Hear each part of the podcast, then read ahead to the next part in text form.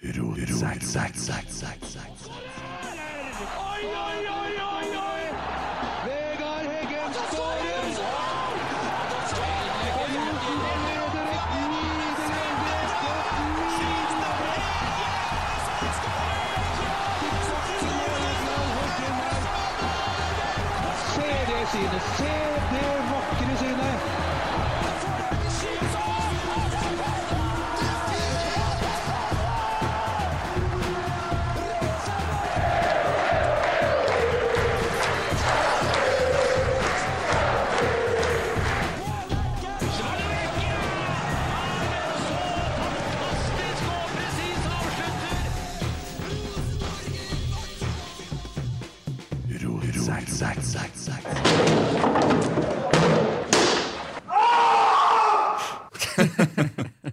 Hei! Hallo? Birger, drømmen går i oppfyllelse. Ja, det, vi får nå se nå. For, ja, men det her er et steg opp, det skjønner vi jo. Rotsekk fra der du, nedi der du har holdt på å jobbe, og så rett opp i eliten. Jeg, jeg, jeg vil se det nå, være litt kritisk. Og så Ja, dømme- nei, skal du være kritisk? Nei! Tror du han kommer til å være kritisk? Nei, vi får se. Jeg, Jeg er litt spent på det her, altså. Jeg snakka med ham på telefonen, og jeg sånn irriterende hyggelig fyr. Ja. Helsike. Men eh, nei, vi kan hende at vi får, um, får litt å snakke om i dag. Uh, ja, Birger Løfali fra Rindalen Stemmer. og Adresseavisa. Yep. Ansatt som kommentator, Riktig. ikke sportsjournalist direkte. Jo, du jobber litt med det òg. Jeg er en journalist. Ja. Eh, Ja, du er det, ja. Vi var, var litt i Ja. tvil der.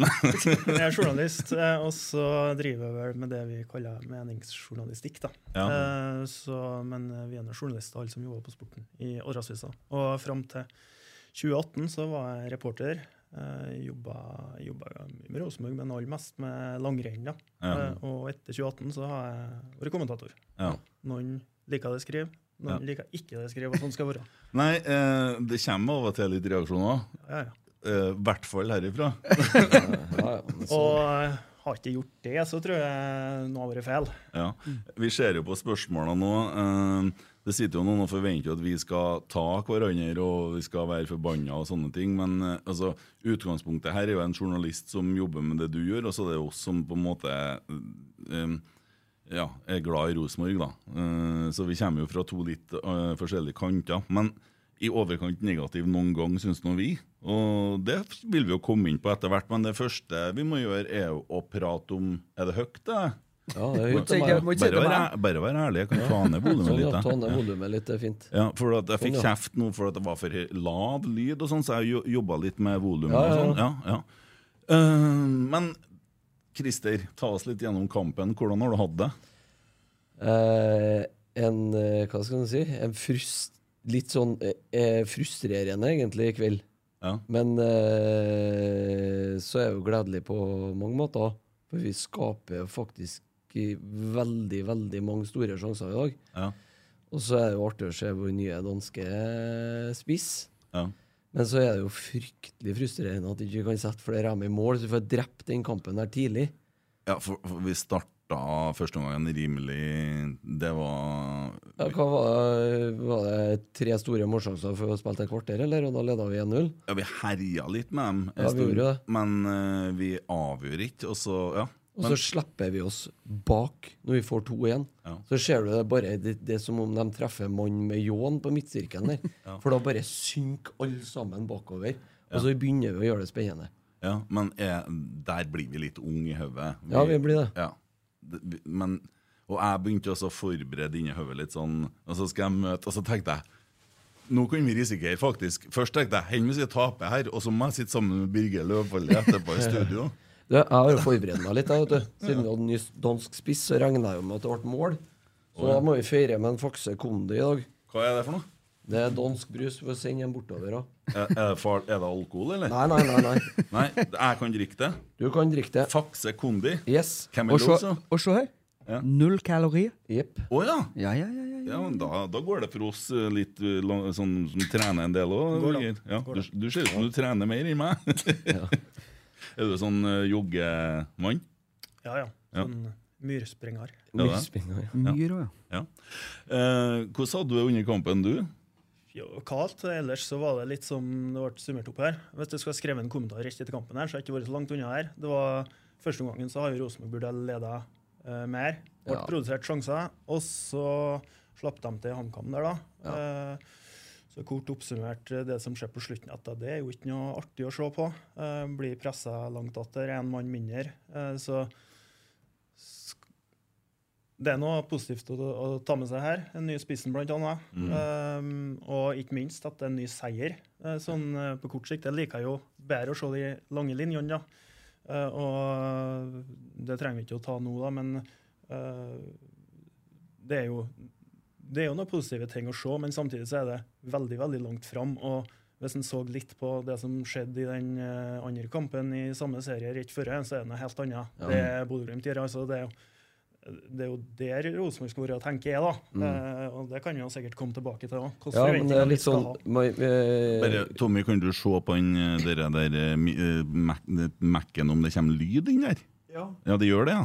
Ja, ok, da får jeg, jeg fikk en sånn melding så om at det ikke var noe lyd. Nei, men altså, det, Det- ja. noe sånn Bodø-Glimt de er s- så mye mer distinkt når de eh, angriper. Men eh, nå har det jo vært egentlig det Det vi har savna kanskje av Rosenborg hittil i år, er jo det at man har skapt for lite mot etablert på Lerkendal. I dag fikk vi i hvert fall testa hvordan vi gjør det mot etablert. De lå 5-3-2 fra 30 meter og inn i to tredjedeler av kampen. Og vi sto der og trilla og trilla, men fant jo åpninger og mye mer bevegelser. Og ikke minst så går det fort framover når vi vinner ballen. da. Så bortsett fra når Carlo Holse fikk en i andre omgangen der, var dagens høyeste pipekonsert. Mm. Ta den, Tommy, så får du ta ansvar for det der hvis det Eh, ja, uh, vi bruker å sette litt børs etter kampen. Uh, Rosenborg HamKam 2-1. Og vi bruker Nidaros sin børs fordi at den er 1-10, og det er lesere som, uh, lesere som eh, skriver eller eh, vurderinger også. Bare så det er sagt, jeg så at det var en sånn eh, sak i MN24. Hvordan uh, avviser det? Det er sånn journalist... Ja, ja, det er, for, det er når journalistene leser. Ja, ja, for oss journalistene, det er jo det. det, er jo det. Det er mulig det er flere, ja. Men eh, Ja. mange journalister leser det. Ja. Eh, og der sto det 'Nidarospodden rotsekk'. Vi er jo ikke enig i det, og det, nå, har vi jo, nå har vi vår tilsvarsrett. Det er Nidaros som en rotsekkavis. Altså, når vi skrev kontrakten her med Stig, så var det litt av betingelsen at de ble på en måte under vår paraply. Eh, og akkurat nå så vi satt en, eh, han Simen sitter på restaurant, han andre på desken, han eh, er i Bergen på festival. Marius Dahl tror jeg ligger oppå pressetribunen en plass ennå. Han kommer seg ikke opp med det første han gjør, for det tar litt tid. Han, skal vi se hvem som har skrevet børsen her, da. Jeg sa han Marius skulle gjøre det, men her har de gjort Per Erik Hofstad, så er vi nødt til å ta opp. Uh, han vet ikke hvem jeg er, vet du det? Nei, Nei, det er ikke så nøye. det er ikke Nei. Uh, vurdering av spillere én til én, litt kjapt. Eh, Nidaros gjør André Hansen en femmer. Uh, er vi enig i det? Ja, André Hansen har jo ikke så mye å gjøre i dag, har han da? Nei, Kan han gjøre noe med målet? Nei, det er knallhardt fra 15 meter eh, ned i hjørnet, så den må han Jeg får ikke noe svar, så, men jeg lar den bare ligge her. Er det blitt noe lyd, eller er det greit, eller? Vet ikke. Nei. Nei. vi Få tilbake telefonen min, da, så ikke du får noe Ja, Birger, hva syns du om innsatsen til André Hansen i dag? Eh, helt grei, ikke noe å ta han på. Og hvis han skal begynne på fem, så er nå fem greit. For det er akkurat det målet til HamKam det var en kjempefin prestasjon. det. Akkurat det øyeblikket der. Og det var utakbart. Mm. Ja. Uh, femmer. Uh, syns du han setter i gang fort noen gang? Ja, han gjør det. Han eh, var ivrig på å sette i gang, satte i gang et par kontringer i dag òg. Ja. Eh, bare sånn, prøv å hjelpe en Tommy litt her. Eh, når du, jeg gir deg telefonen, og du skal kommunisere med dem som sender melding om at det er litt lav lyd, kan ikke du ta telefonen og så jobbe med det mens du står under bordet der og så diskutere med han hvordan du skal gjøre det? Det er litt sånn lavterskel. eh, Sånn, Ja, ja, vi kjører. Vi er nå Nille-utgaven. Ja. Ja, Nille, kanskje. Ja, vi begynner å bli det nå. Men uh, nei, Hansen er greit, det. det. Han har ikke all verden å gjøre i dag, så nå er det utagbart. Mm. Uh, ja. Eh, den er god. Uh, Tobias Børkeie. Uh, jeg syns han blir litt sånn seig innimellom. Stopper litt opp med han. Skulle ønska meg litt mer.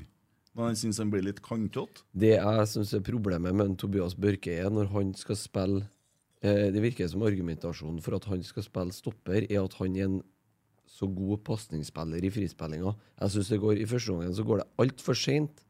Eh, det er tre og fire touch. og flere ganger, Ellen var veldig god i dag og, så, og lå veldig høyt og starta. Og Skarsheim var flink til å rykke seg fri hvis han kunne ha slått med én gang, men det går litt seint. Og så har han jo en periode i andre gangen der han gjør han enn å slå feil. Nei. Jeg hadde han tre-fire stygge på rad. Så um, Jeg er ikke helt komfortabel med han, men ja. Jeg tror han Hva sier du? Jeg tror jeg har fire på han. jeg. Jeg tenkte litt igjen her før jeg og Ja. dere summerer opp godt. Altså. ja. Jeg er enig i den. Ja. Fire er fint, det. Jeg ville ha gitt den en femmer, sånn som han journalisten i Har du ordna problemet? Veldig Ja, godt jobba. Eh, beklager dere som satt og hørte på her og fikk det litt dårlig lyd, men nå har vi ordna det, så da kan jeg puste letta ut. Det er ikke så lett når vi holder på med det her på sånn hobbybasis. Vi går videre til Markus Henriksen. Tobias har fått en femmer i avisa 4,4. Du gir den en tier. Ja. Eh, Det er greit. Ja, ja. Markus Henriksen, kan du starte med han, da, Birger? Solid, solid som vanlig. Og uh, seks på han. I en sånn kamp som her, knepen uh, to henseier mot et eh, relativt svakt lag, så vil ikke gi som mange noe mer enn seks. sånn Det er en som kommer over seks. Eh, men uh, Markus får en sekser. Ja. Ja, det var greit, det, ikke sant? ja jeg syns han Altså, jeg tenker at, uh, at Hvis jeg savner noe fra Markus, så savner jeg det etter at vi får to igjen der. At han står fram og er den sjefen som pusher ut laget. Fordi, ja. Fordi at vi, vi, vi detter så langt tilbake. Det, det, skjer, det er vanskelig å si, men det ser ut sånn at det er Forsvaret som blir litt engstelig. Og så eh, snur midtbanespillerne seg, og så ser de at oi, nå begynner det å bli avstander, og så synker de etter. Og så blir det førstepresset vårt altfor lett å spille av, og så blir vi liksom eh, Jeg savner at bare dytter dem ut. Mye av problemet er jo at begge wingbackene våre uh, detter ned Ja. i, på linje med Forsvaret. For det, det, der vi hadde kontroll på eh, HamKam, i hvert fall i store deler av kampen, var det at både Reitan og Pereira og etter hvert Holse faktisk lå litt opp. Men eh, når vi ble trykt litt bakover, så lå vi plutselig med en femmer i sekken der, vi òg. Da, da blir det liksom Da mangler jeg en mann i Ja, press, det, jo presset bak, på. det er jo bakdelen med å spille informasjonen her, da. Det er jo det hvis du blir for baktung. For da Dette har vi jo sett eh, flere ganger. Ja. Um, lest i Godfoten. Nils Arne Eggen. Ja. Uh, nettopp lest da. Den ligger jo her, i lag med mitt, i som, litt, mitt liv som æ. Mitt liv som ja. ja. Eh, og, og han snakka om eh, 4-3-3, og så snakka han om en formasjon 3, som Rosenborg brukte. Ok. Ja. ja. 3-5-2? 3-4-3? 3-5-2. 3-5-2, ja. ja. Eller den forsvarsformasjonen. Eh, ja. Så det er litt og, og varierte jo litt. grann. En gang i tida så drev han jo og prøvde en annen formasjon òg, husker jeg. Og så tapte vi litt, og sånn og sånn, og så var jeg tilbake. Og, men han, han var ikke bare sånn Kjente du til det der? Du har jo studert en del Rosenborg-historikk. Ja, i fall, husker jeg uh, jeg møtte Knut, Knut Torbjørn når vi drev med et sånt stort uh, Rosenborg-prosjekt i rundt ja, 2010, kanskje. Eh, så var han veldig klar på det her at det var veldig mange som blanda her med eh, spillestil og formasjon.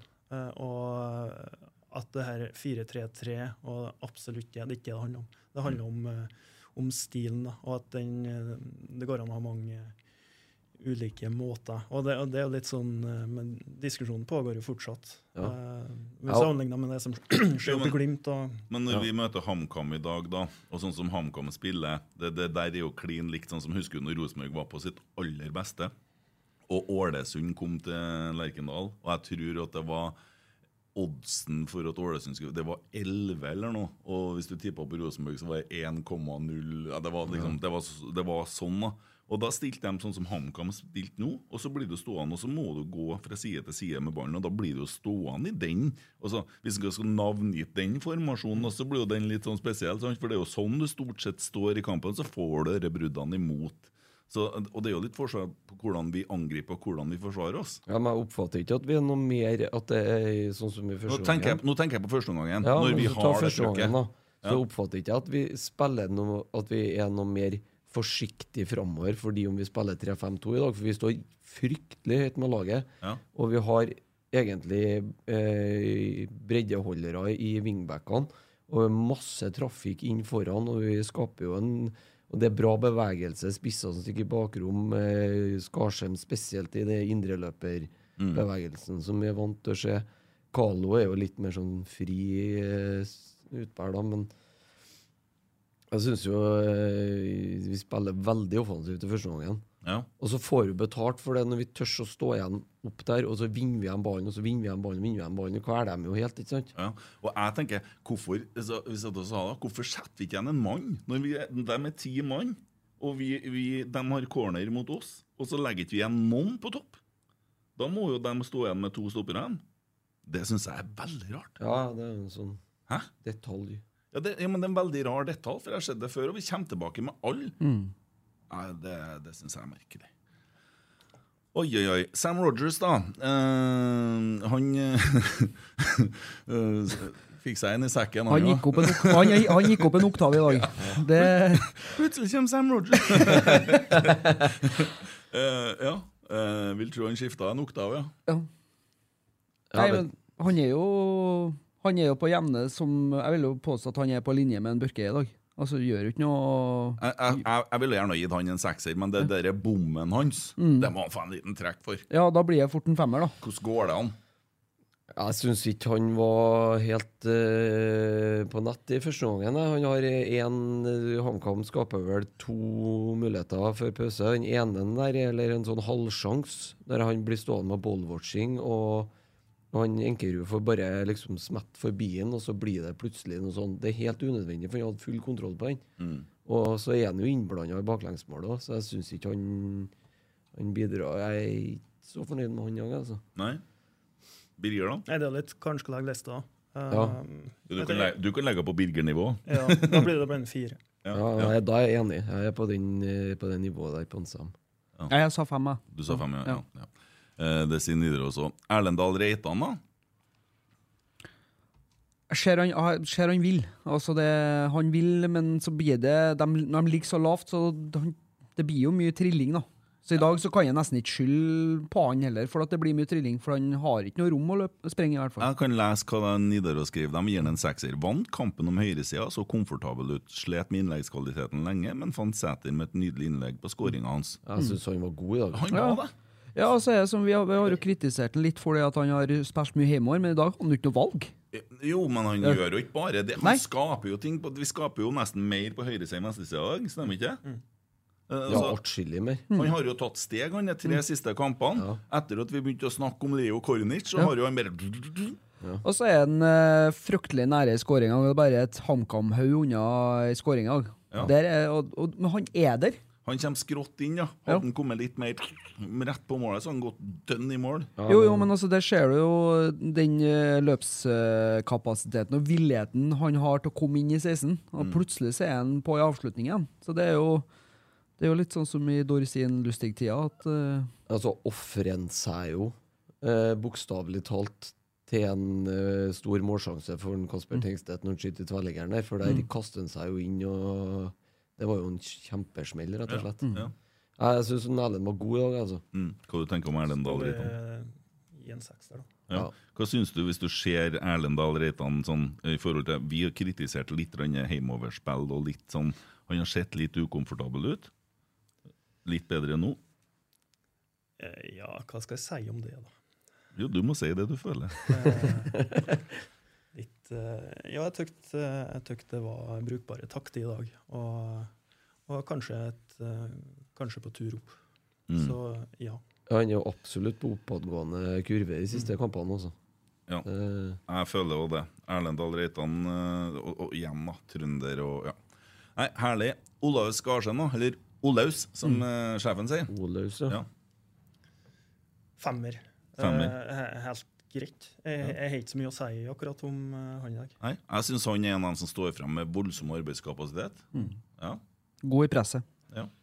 Ja, ja. Og prøver jo når vi, som en Christer nevnte tidligere, eh, blir litt eh, lav, at, og, og på en måte pushe opp laget og være den som setter i gang presset. Men Og så tok han av et par mann og ga fra seg ballen. Det har skjedd flere ganger. Akkurat som han klarer å time det Ja, litt men bedre. ennå så kunne han bli flinkere til å spille tidligere, syns jeg. Det kommer, det kommer, det kommer. ja. Men jeg har et kjempefint eh, når han vinner ballen og spiller gjennom en Tengstedt på blank der. Den er, der har han eh, en veldig bra Ja. Nei, involvering. han er en nydelig fyr. Plusspoeng for at han er trønder òg. Gi ham en karakter. Seks. Seks ja. Ja, så er det noe hvis at vi skal dra fram det positive her nå. Vi sa det med tre seire Ja. og, osv. så videre, men, men det at det er flere trøndere som, som står fram, vi skal ikke glemme det. Eh, det, det er et viktig poeng, det. Oppi, og når Rosenborg vinner, og, og, og da er det et sånt plusspunkt. Mm. Ja, og så er de eh, trønderne egentlig som står fram nå, var de som var gode tidlig i sesongen, som egentlig kanskje har vært på litt sånn eh, dalende formkurve. Og så nå er sånn som en Erlend og en Skarsheim og sånn som er litt på tur opp igjen. Mm. Ja. Nei, jeg elsker Ola altså. Ja, ja, ja. ja. Herregud, for en mann. Og det altså Uh, Fått av seg her hårstrekket òg, men ja, eh, Skit i det om de går med de hår og alt det der. De, De, de må gjøre det som gjør at de føler seg fine, tenker jeg. Det, ja. Jeg gjør ikke noe Du står der med balleklava, du òg? Nei, jeg gjør ikke det. Står der og blusser. Ja. Eh, ja, Viktor Jensen, vi skal komme oss gjennom dette. Ja. Viktor Jensen. Uh, en som uh, gir Det er kanskje ikke så enkelt å se, men jeg syns han gir en, eh, en viktig jobb der. da. Kanskje ikke liksom i de der helt avgjørende fasene, men eh, han er vel en av dem jeg ville gitt seks i dag. Mm. Har god gjenvinning og god til å løse opp litt når det blir litt trangt. Jeg Ja. spiller på litt risiko innimellom, da, ser jeg. Ja. Det er et par skumle i sånn tversovere, men det går jo bra i dag, da. Ja. Men uh, jeg er enig i det, seks. Det, Jeg trodde de kom til å ta av han når de skulle sette inn en Edvard, men eh, sånn ble det ikke. Uh, synes den begynte å Jeg så for meg at de skulle kjøre på litt hardere i midtbanen. Det gjorde de jo likevel, men det ble en litt, et litt annet bytte enn det jeg så for meg. Ja. Uh, ja. Eh, sekser fra Nidaros òg, 6,3 fra leserne. Carlo Holse, da? Nei, jeg syns han er på det jevne i dag. Uh, han Jeg syns han Det er så strengt. Det er så strengt. Ja, men altså, vi har Han ni er på mer enn det jevne. Han gir no, han ja, gir noe Jo, jo, men altså, vi har ni cornerlag.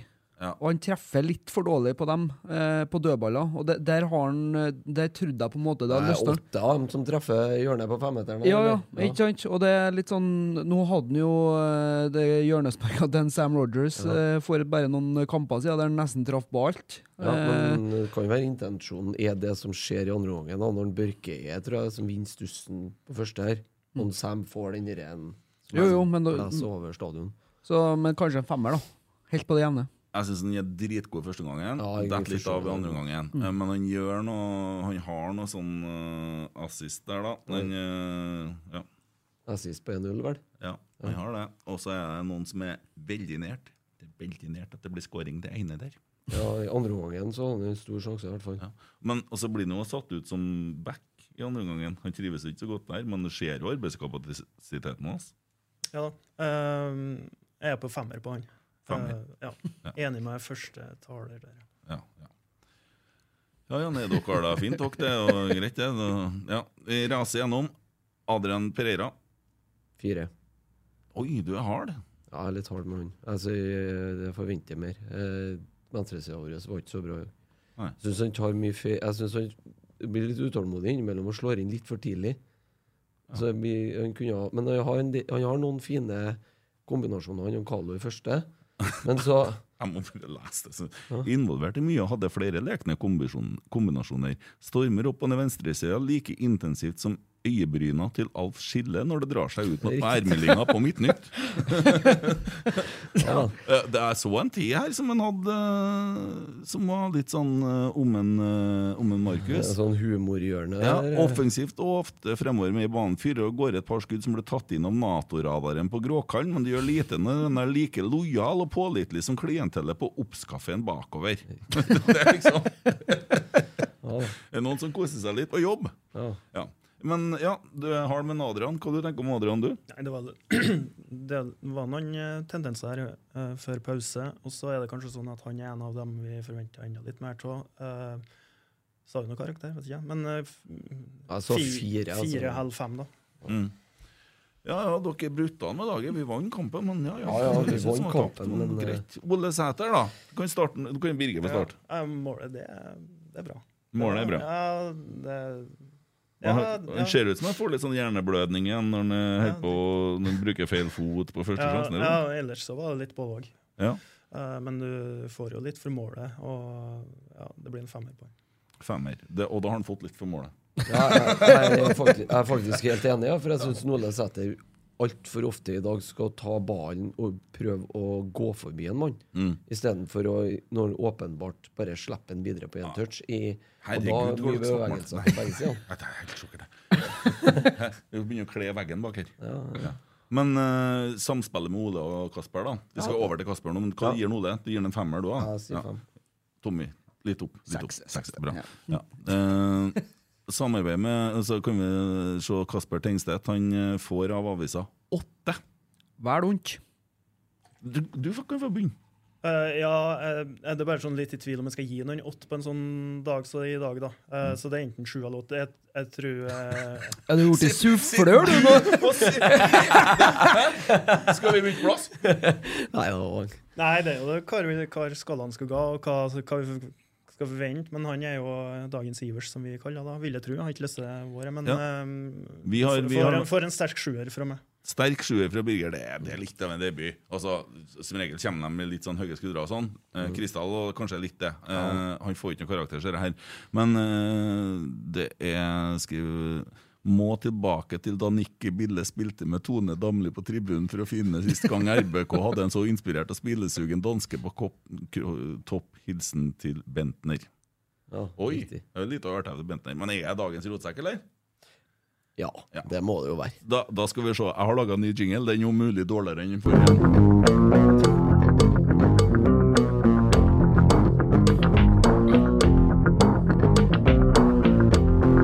Jeg tror det skulle være med dagens rotsekk først, men det var klubb. Dagens rotsekk. Ja, riktig. Jeg satt bare på fjotta med bassen og gitaren og orka ikke å stemme det så bra heller, men Ja. Og så tenkte jeg Ordna kubjell, jeg. Nei, men dansken leverte i dag, han altså. Ja. Men Han kunne ha men, Ja, Drit i danske, hva syns du om jinglen? ja, den du skal gi karakter på nå. ja, da blir det seks. Seks, ja. Ja. Så jeg kan få det til bedre. Vi må få til noe kan mer få det til bedre. Ja, jeg kan, jeg kan. Riktig. Ja. ja ja, nei, men herregud. Uh, ja, det var nå det. Uh, og du, du er tøff med guttene. Vi vant, ja.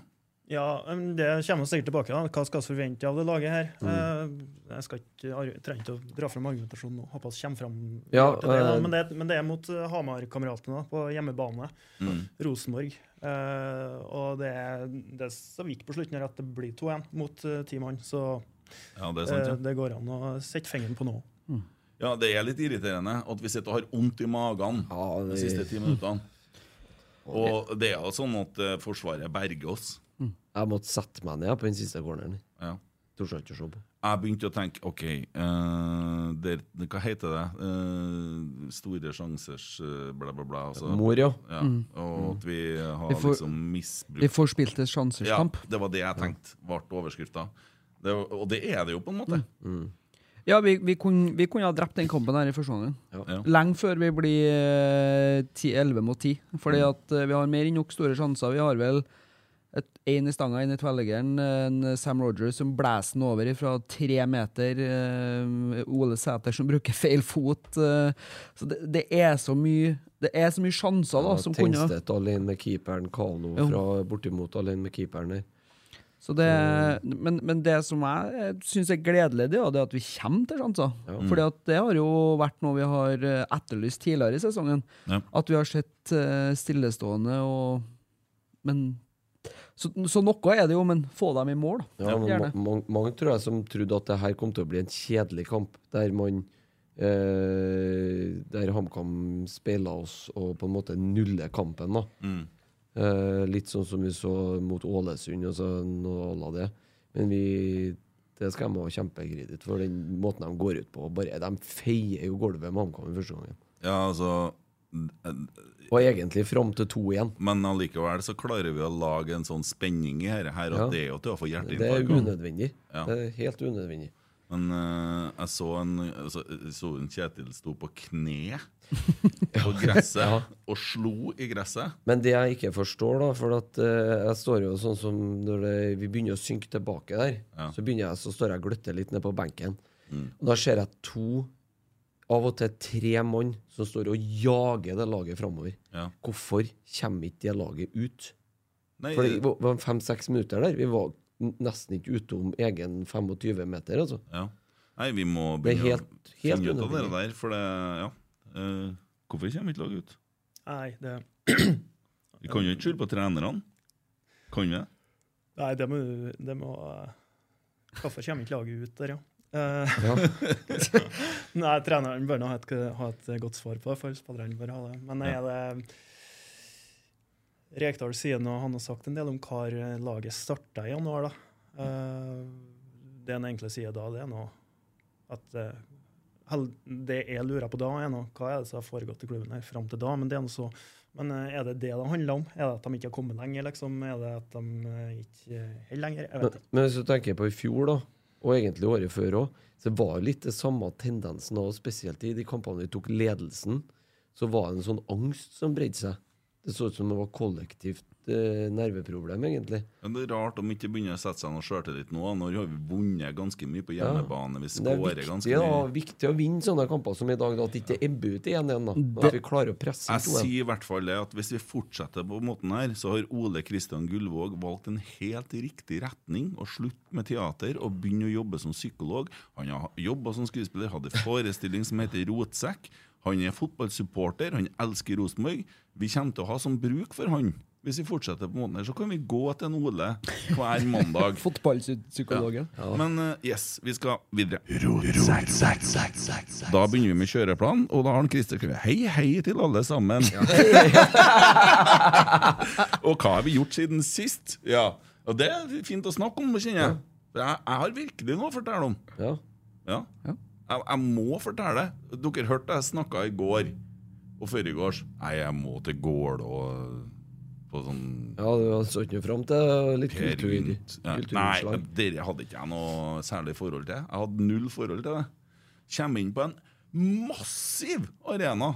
Og så viser jeg, jeg har ikke fått med at det var en gang Aksel Hennie som spilte hovedrollen. Sånn. Jeg har ikke sjekka noe om det. Og det begynner jeg å skjønne når vi er på turné her. Og det, hva heter dere firmaet som lager sånne kule ting? og sånn dere um, Arkitektfirmaer som er sånn kjempekjent? Snøhetta. Ja, dem som har ordna scene og sånn. Og gud hjelpe meg hvor mektig det var. altså. Og, og så tenkte jeg jeg skjønner jo sikkert ikke det der, men de har gjort om språket litt, så jeg hang helt med. Og det, etter pausen, da Det her varer i o- o- tre og en halv time, så satt jeg sånn. Uten at jeg tenkte over det. Jeg skjønte det når jeg var ferdig. Det, jeg var helt bergtatt. Det er noe av det fineste jeg har vært med på. Ja. Kulturkongen. Nei, men jeg mener det. Per Gynt, per Gynt i Gålå. Dit skal jeg hjem. Ja. Det, det mener jeg. Det blir neste rotsekkutflukt, det. Nei, men det var, det var helt, helt fantastisk. Du, du skjønner meg litt der, som er fra nesten Du er nærmere Gålå enn hva Ja, jeg kan... Har du vært på Per Nei, jeg har, har faktisk ikke, ikke vært på Gålå engang. Selv om det er sånn skiplass, så burde jeg kanskje det. Ja, det, Jeg kan Det høres fortelle bra litt om det er fint, da. Var der eh, et døgn? Nei, men vet du, det var, det var helt nydelig. Så jeg, jeg, jeg følte meg sånn eh, Jeg vet ikke, når jeg kom derifra, så jeg har liksom sånn jeg har sånne sterke følelser, da, og så klarte jeg ikke helt å finne ordene. Faen, det har sett lyset i går. der. Nei, nei, jeg fikk, det, jeg fikk en skikkelig fin opplevelse som var veldig vanskelig å beskrive. Ja. Men eh, Nei, han eh, skjønner hvorfor Eggen ofte Henrik, brukte ofte Henrik Ibsen i sånne sitater og sånn, for det der er jo norske folkesjeler. Og det er jo Per Gynt er jo på en måte litt av Vi har litt av ham i oss alle sammen. Jeg syns det var litt artig, for du var litt sånn småcocky i den snappen du sendte rett før det starta. Var sånn Se her, her. eh. Ja, det var liksom Se her, jeg har sikkert sesongkort. Og, Og så er det liksom uh, Åge Samuelsen som uh, svarer på Messenger etterpå. ja. Nei, det er så gærent var ikke. Men uh, det der, der var veldig vakkert. Det må jeg si. Ja. Ja. Dette var som et av blåskjell ute i Åfjorden. Mm. Ja. Ny, ny. Kan jeg ta et spørsmål fra Twitter? Ja, eh, vi må jo på en måte dreie oss litt over til gjesten. Ja, vi må det. Ja, og det foregikk jo litt i uka som var, og vi har jo Vi har jo sagt børs. Vi har jo satt børs nå òg, og de har jo heller ikke fått svara. Eh, og det var jo sånn vi tenkte da, men så var det en journalist i MN24 som fant ut at du skulle hatt tilsvarsrett i podkasten vår. Eh, skulle du, ha- så Hva tenker du om det og det saken? Du svarer jo egentlig ganske bra i saken. Ja, Får jeg børs på den òg? På svaret mitt? i Nei, nei, nei, Ja, det kan du jo få. Jeg synes det var, det, ja, den, det, var, det var bra svar. Nei, eh, ja, dere har børs, ja. På sports eh, RBK-reportere og eh, kommentatorer. Um, jeg fikk en um, Jeg var på en liten ferietur, så jeg fikk et hint fra en kollega om at jeg måtte høre på en podkast fra 56. minutt til en time. Ja, okay. Jeg gjorde nå det. Ja. For jeg tenkte nå kanskje at her eh, er det noe Hva sa vi? litt Var vi stygge? Nei, jeg hører på. Uh, Jeg tror jeg var litt slem, i hvert fall. Og så nei, så, så Stort tenkte jeg at ja, ja, nei, det her var nå bare artig.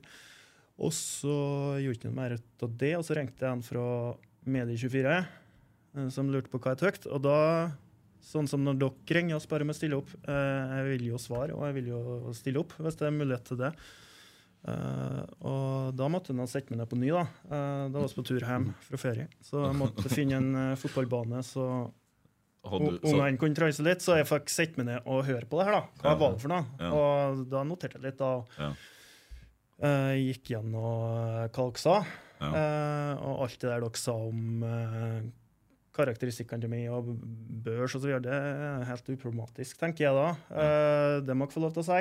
Eh, argumentasjon, det kan vi nå diskutere, men det er nå så. Ja. Eh, men det var to punkt. Eh, det var det der med Dere snakka litt om det at Adressa er sponsor eh, til Rosenborg. Ja, det var meg, det. ja, og så at eh, da virka ikke så dere skjønte hvorfor vi skulle være, drive med kritisk journalistikk eh, samtidig. Og der tenker nå jeg da at eh, det er noe lurt å oppklare. Eh, Mm. For at det her overordnede greiene om medier skal sponse eh, idrettslag eller idrettsklubber VG sponsa jo hopplandslaget i mange mange år Ja. og drev absolutt med kritisk journalistikk samtidig. Det har vi gjort med eh, Rosenborg òg. Eh, og så kan en diskutere om burde mediehus holdt seg helt unna. Denne den her eh, diskusjonen før jul da Johannes Høsflot Klæbo var i ganske hard konflikt med Skiforbundet, handla litt om det. Ja. Men det er jo en mer sånn overordna greie, da. Men mm, sånn som praksisen er nå, eh, så er det Ja, Adresseavisa er sponsor til Rosenborg, men det er et fullstendig skille mellom dem som driver med kommersen, dem som har med den sponsoravtalen å gjøre, og vi som jobber i redaksjonen. Jeg har ikke noe som helst med den eh, sponsoravtalen med Rosenborg å gjøre. Så det, sånn er det bare. Og det har jo vært greit. bare for å si det først, da. eh, For siden det var jeg som, som tok opp den tråden her. Mm. Eh, jeg syns det er veldig viktig at Adressa har et uh, kritisk blikk på Rosenborg, og spesielt hvis man uh, Og du kom, stemmer det at du kom inn som kommentator i 18? 18, ja. Ja, det var jo da egentlig helvete begynte, for å si det sånn. ja Det det har det det har dine ord. Ja, eller det har jo vært mye action siden da. Mm. Og hvis ikke vi har hatt adressa tett på, så er, har jeg en følelse av at det er veldig mye mindre av det som har skjedd dagens lys. Uh, for den åpenheten man har sett på medlemsmøter, og, og hva som har blitt redegjort for, i, eller utreda egentlig, i årsmeldinger og sånne ting, det har jo vært eh, eh, har jo vært egentlig på et minimum, et absolutt minimum av det man kan forvente. Eh, så den, eh, det syns jeg er veldig greit.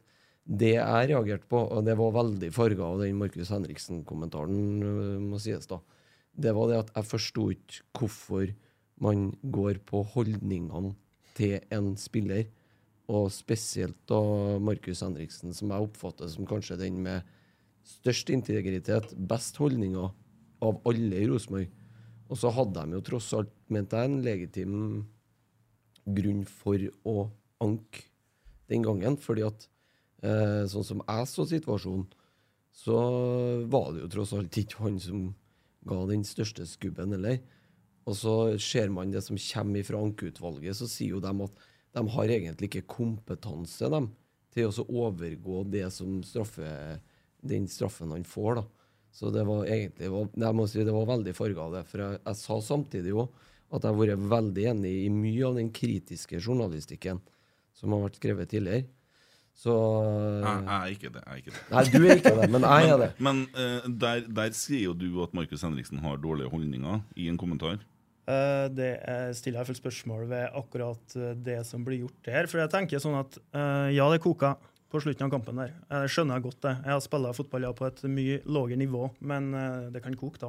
Mm. At Jeg har blitt utvist, og jeg tenker etterpå at det, har, det var Jeg kunne ha oppført meg likere, liksom. Jeg har ikke blitt utvist. Redda laget litt. Eller ikke redd, hva skal jeg si da. Altså, Mm. Det går litt utover laget, da. Og jeg tenker at eh, eh, Markus Henriksen der, når han går inn der, uh, så, så blir det argumentert med at står opp for uh, lagkameratene sine. Uh, tja. Dommeren står der. Dommeren har allerede tatt tak i, i situasjonen. Og han som kom med den stygge taklinga, han, han var straffa, kom til å få straff. Og, og jeg tror nå at det aller best Markus Henriksen kunne gjort, det er å uh, holde hodet kaldt og uh, holde seg unna og sørge for at sine holdt seg unna. Og så skjønner jeg at det kan koke, og det kan, eh, det kan, eh, du kan gjøre dumme ting, fæle ting. Og så uh, tykte at det var jeg tykte det var verdt det som skjedde etterpå, at det her pågikk dag etter dag uh, i håp om å få gjort om det her. da. Uh, for at det var ikke det var ikke en hasardiøs dommeravgjørelse. Vi kan jo være uenige om det var rødt kort eller ikke. Ja, men de aller, aller fleste var jo enige om at det der er feil. Det Ja, var jo ikke rødt Men, kort. men da bare tenker jeg Fikk Markus Henriksen tilsvarsrett på den kommentaren? Han fikk iallfall svar på, på øh, det han gjorde. Eh, Altså på Jeg når jeg skriver kommentarer, uh, ser hva folk gjør, ser hva folk sier. Uh, og så vurderer jeg ut fra det. Og er det virkelig hard skyts fra meg? At liksom, Hvis det er noe virkelig hardt jeg mener, eh, så, så får de jo tilsvar. Men eh, jeg tror ikke det var noe sånn i den kommentaren. Nei, jeg, jeg bare Mm. husker det som at det var litt dårlige holdninger, at Rosenborg må begynne å se på seg sjøl. Og så tenker jeg at når du skriver kommentar, Mm. så er det jo ikke tilsvarsrett på en kommentar. Ikke så, jo, det kommer helt an på innholdet. Altså, det, er, det er likende som eh, eh, det som blir sagt her. Det. Hvis det er noe som eh, Ja, må ha samtidig imøtegåelse eller tilsvar, så, så gjelder det i en kommentar og i en Ja. Jeg virker på meg som at kommentarene dine ikke krever tilsvar. Også, også kommentarer generelt er en ting som ikke krever tilsvar. Stemmer ikke det? Ja, det kommer helt an på innholdet. Altså, okay. hvis- at Uh, I den saken da, så ser jeg hva Markus Henriksen har gjort, hva han har sagt, hva Kjetil Rekdal har gjort, hva han har sagt, hva Rosenborg-ledelsen har gjort, og hva han har sagt. og så eh, mener jeg ut fra det. Og, og hvis det kommer noe nytt, noen beskyldninger, hal- altså noen nye moment som Mm. fortjener tilsvar, så, så blir det jo Men- det. Men det var nok ikke i den eh, Nei. kommentaren. Ja, bare, bare et uh, tilleggsspørsmål akkurat om det. Så det altså for, å, for å prøve å forstå litt ja, hvordan det fungerer. Så det, det er forskjell på å stille spørsmål ved noe og komme med en klar påstand om noe. Da bør du egentlig ha tilsvar. Ja, altså, eh, det andre greia jeg reagerte på i da Medie24 ringte, Ja. det, var, det var sagt noe om altså Den saken vet jeg veldig litt om, jeg har vært på ferie og sånn, men det var sagt noe om en, eh, om en sak i Adressa, at vi bare, eh, noe som var en kompisprat som enda i spaltene våre. Og det oppfatta jeg som Uh, som lytter, da, så tenker jeg hæ, hva er det? Er det sånn Adressa driver? Eh, jeg tenker at det tror ikke jeg. Og, og det, er jo, det er jo noe som eh, jeg har ønska å høre Adressas syn på. Hva er, for det første, hva er egentlig dere mener med det? Og punkt to, uh, den som er ansvarlig i Adressa for det, burde ha fått svar på det, tenker jeg da. Hvis det, Ja, ja. hvis det i en uh, Det, Ja. det var meg, da. Og, og da var det på ei trening hvor vi sto og prata etter treningene. Jeg er på veldig mange treninger. Og så ble det snakk om uh, Rosenborg kvinner, noe som har vært litt sånn eh, skal jeg si Det har jo vært litt ubalanse der. Det ser du jo nå på landslaget òg, hvor det blir diskusjoner fra landslagstreneren har mindre lønn for damer enn herrer, og så blir det snakk om uh, kjønn når vi tenker markedsverdi osv. Det kan vi jo diskutere senere. Men uh, Og så kommer Kjetil og så Nei, fanken, vi hadde jo planlagt båttur, vi. Vi var jo ikke klar over det kampen her, for den er jo booka for lenge siden. Men vi har nå i hvert fall delt laget. Ja, ja, men det var noe smart, bla, bla, bla. bla, bla. Uh, det er det jeg catcher uh, når da Petter Rasmus står og prater med eh, flere, og, og det står på en måte i en sånn triviell gutteprat, kan du kalle det. Sånn som du vet det kan bli type på gangen-praten. Og så kommer det sak i adressa etterpå. Jeg tenker herregud, nå Det her er sånn beaten a dead horse-greier. Altså, her koker man òg eh, suppe på spiker, følte jeg. Eh, fordi at det er jo ganske skjørt, det der. Jeg, jeg ser ikke for meg at eh, det kommer en sak om at eh, eh, damespillerne kommer og ser på Rosenborg-kamper. Eh, det, har vært veldig mye om dere der, så da tenker jeg at dere blir en sånn greie. Eh, et annet eksempel som er enda nærmere, da, og da spør jeg egentlig i forhold til hvordan Adressa jobber, og mitt syn på det i forhold til Det kom en ny spiller til klubben nå, eh, uka her, Tingstedt. Og det kommer masse journalister på første treninga. Og så blir det spillerne som blir intervjua. Det er da spisskollegaene. Og så tenker jeg med meg sjøl, når de da snakker med Ole og Brian, er det for at de da har tatt et valg på forhånd? Her skal vi høre om det kommer noen reaksjoner, bekymring, noe negativt. Og så I stedet for å snakke med han Tengstedt sjøl og lage en litt sånn hohoi, og sånn, og så ser vi i dag at han er en jævla god spiss. Og så tenker jeg, er det sånn at dere på forhånd da har bestemt dere for at nå skal vi uh, uh, lage noe sånt? Skjønner du? Det føles sånn for meg. Jeg tror at eh, det, blir, det er en diskusjon i forkant her da, på vårt morgenmøte om hvem er mest interessant å snakke med.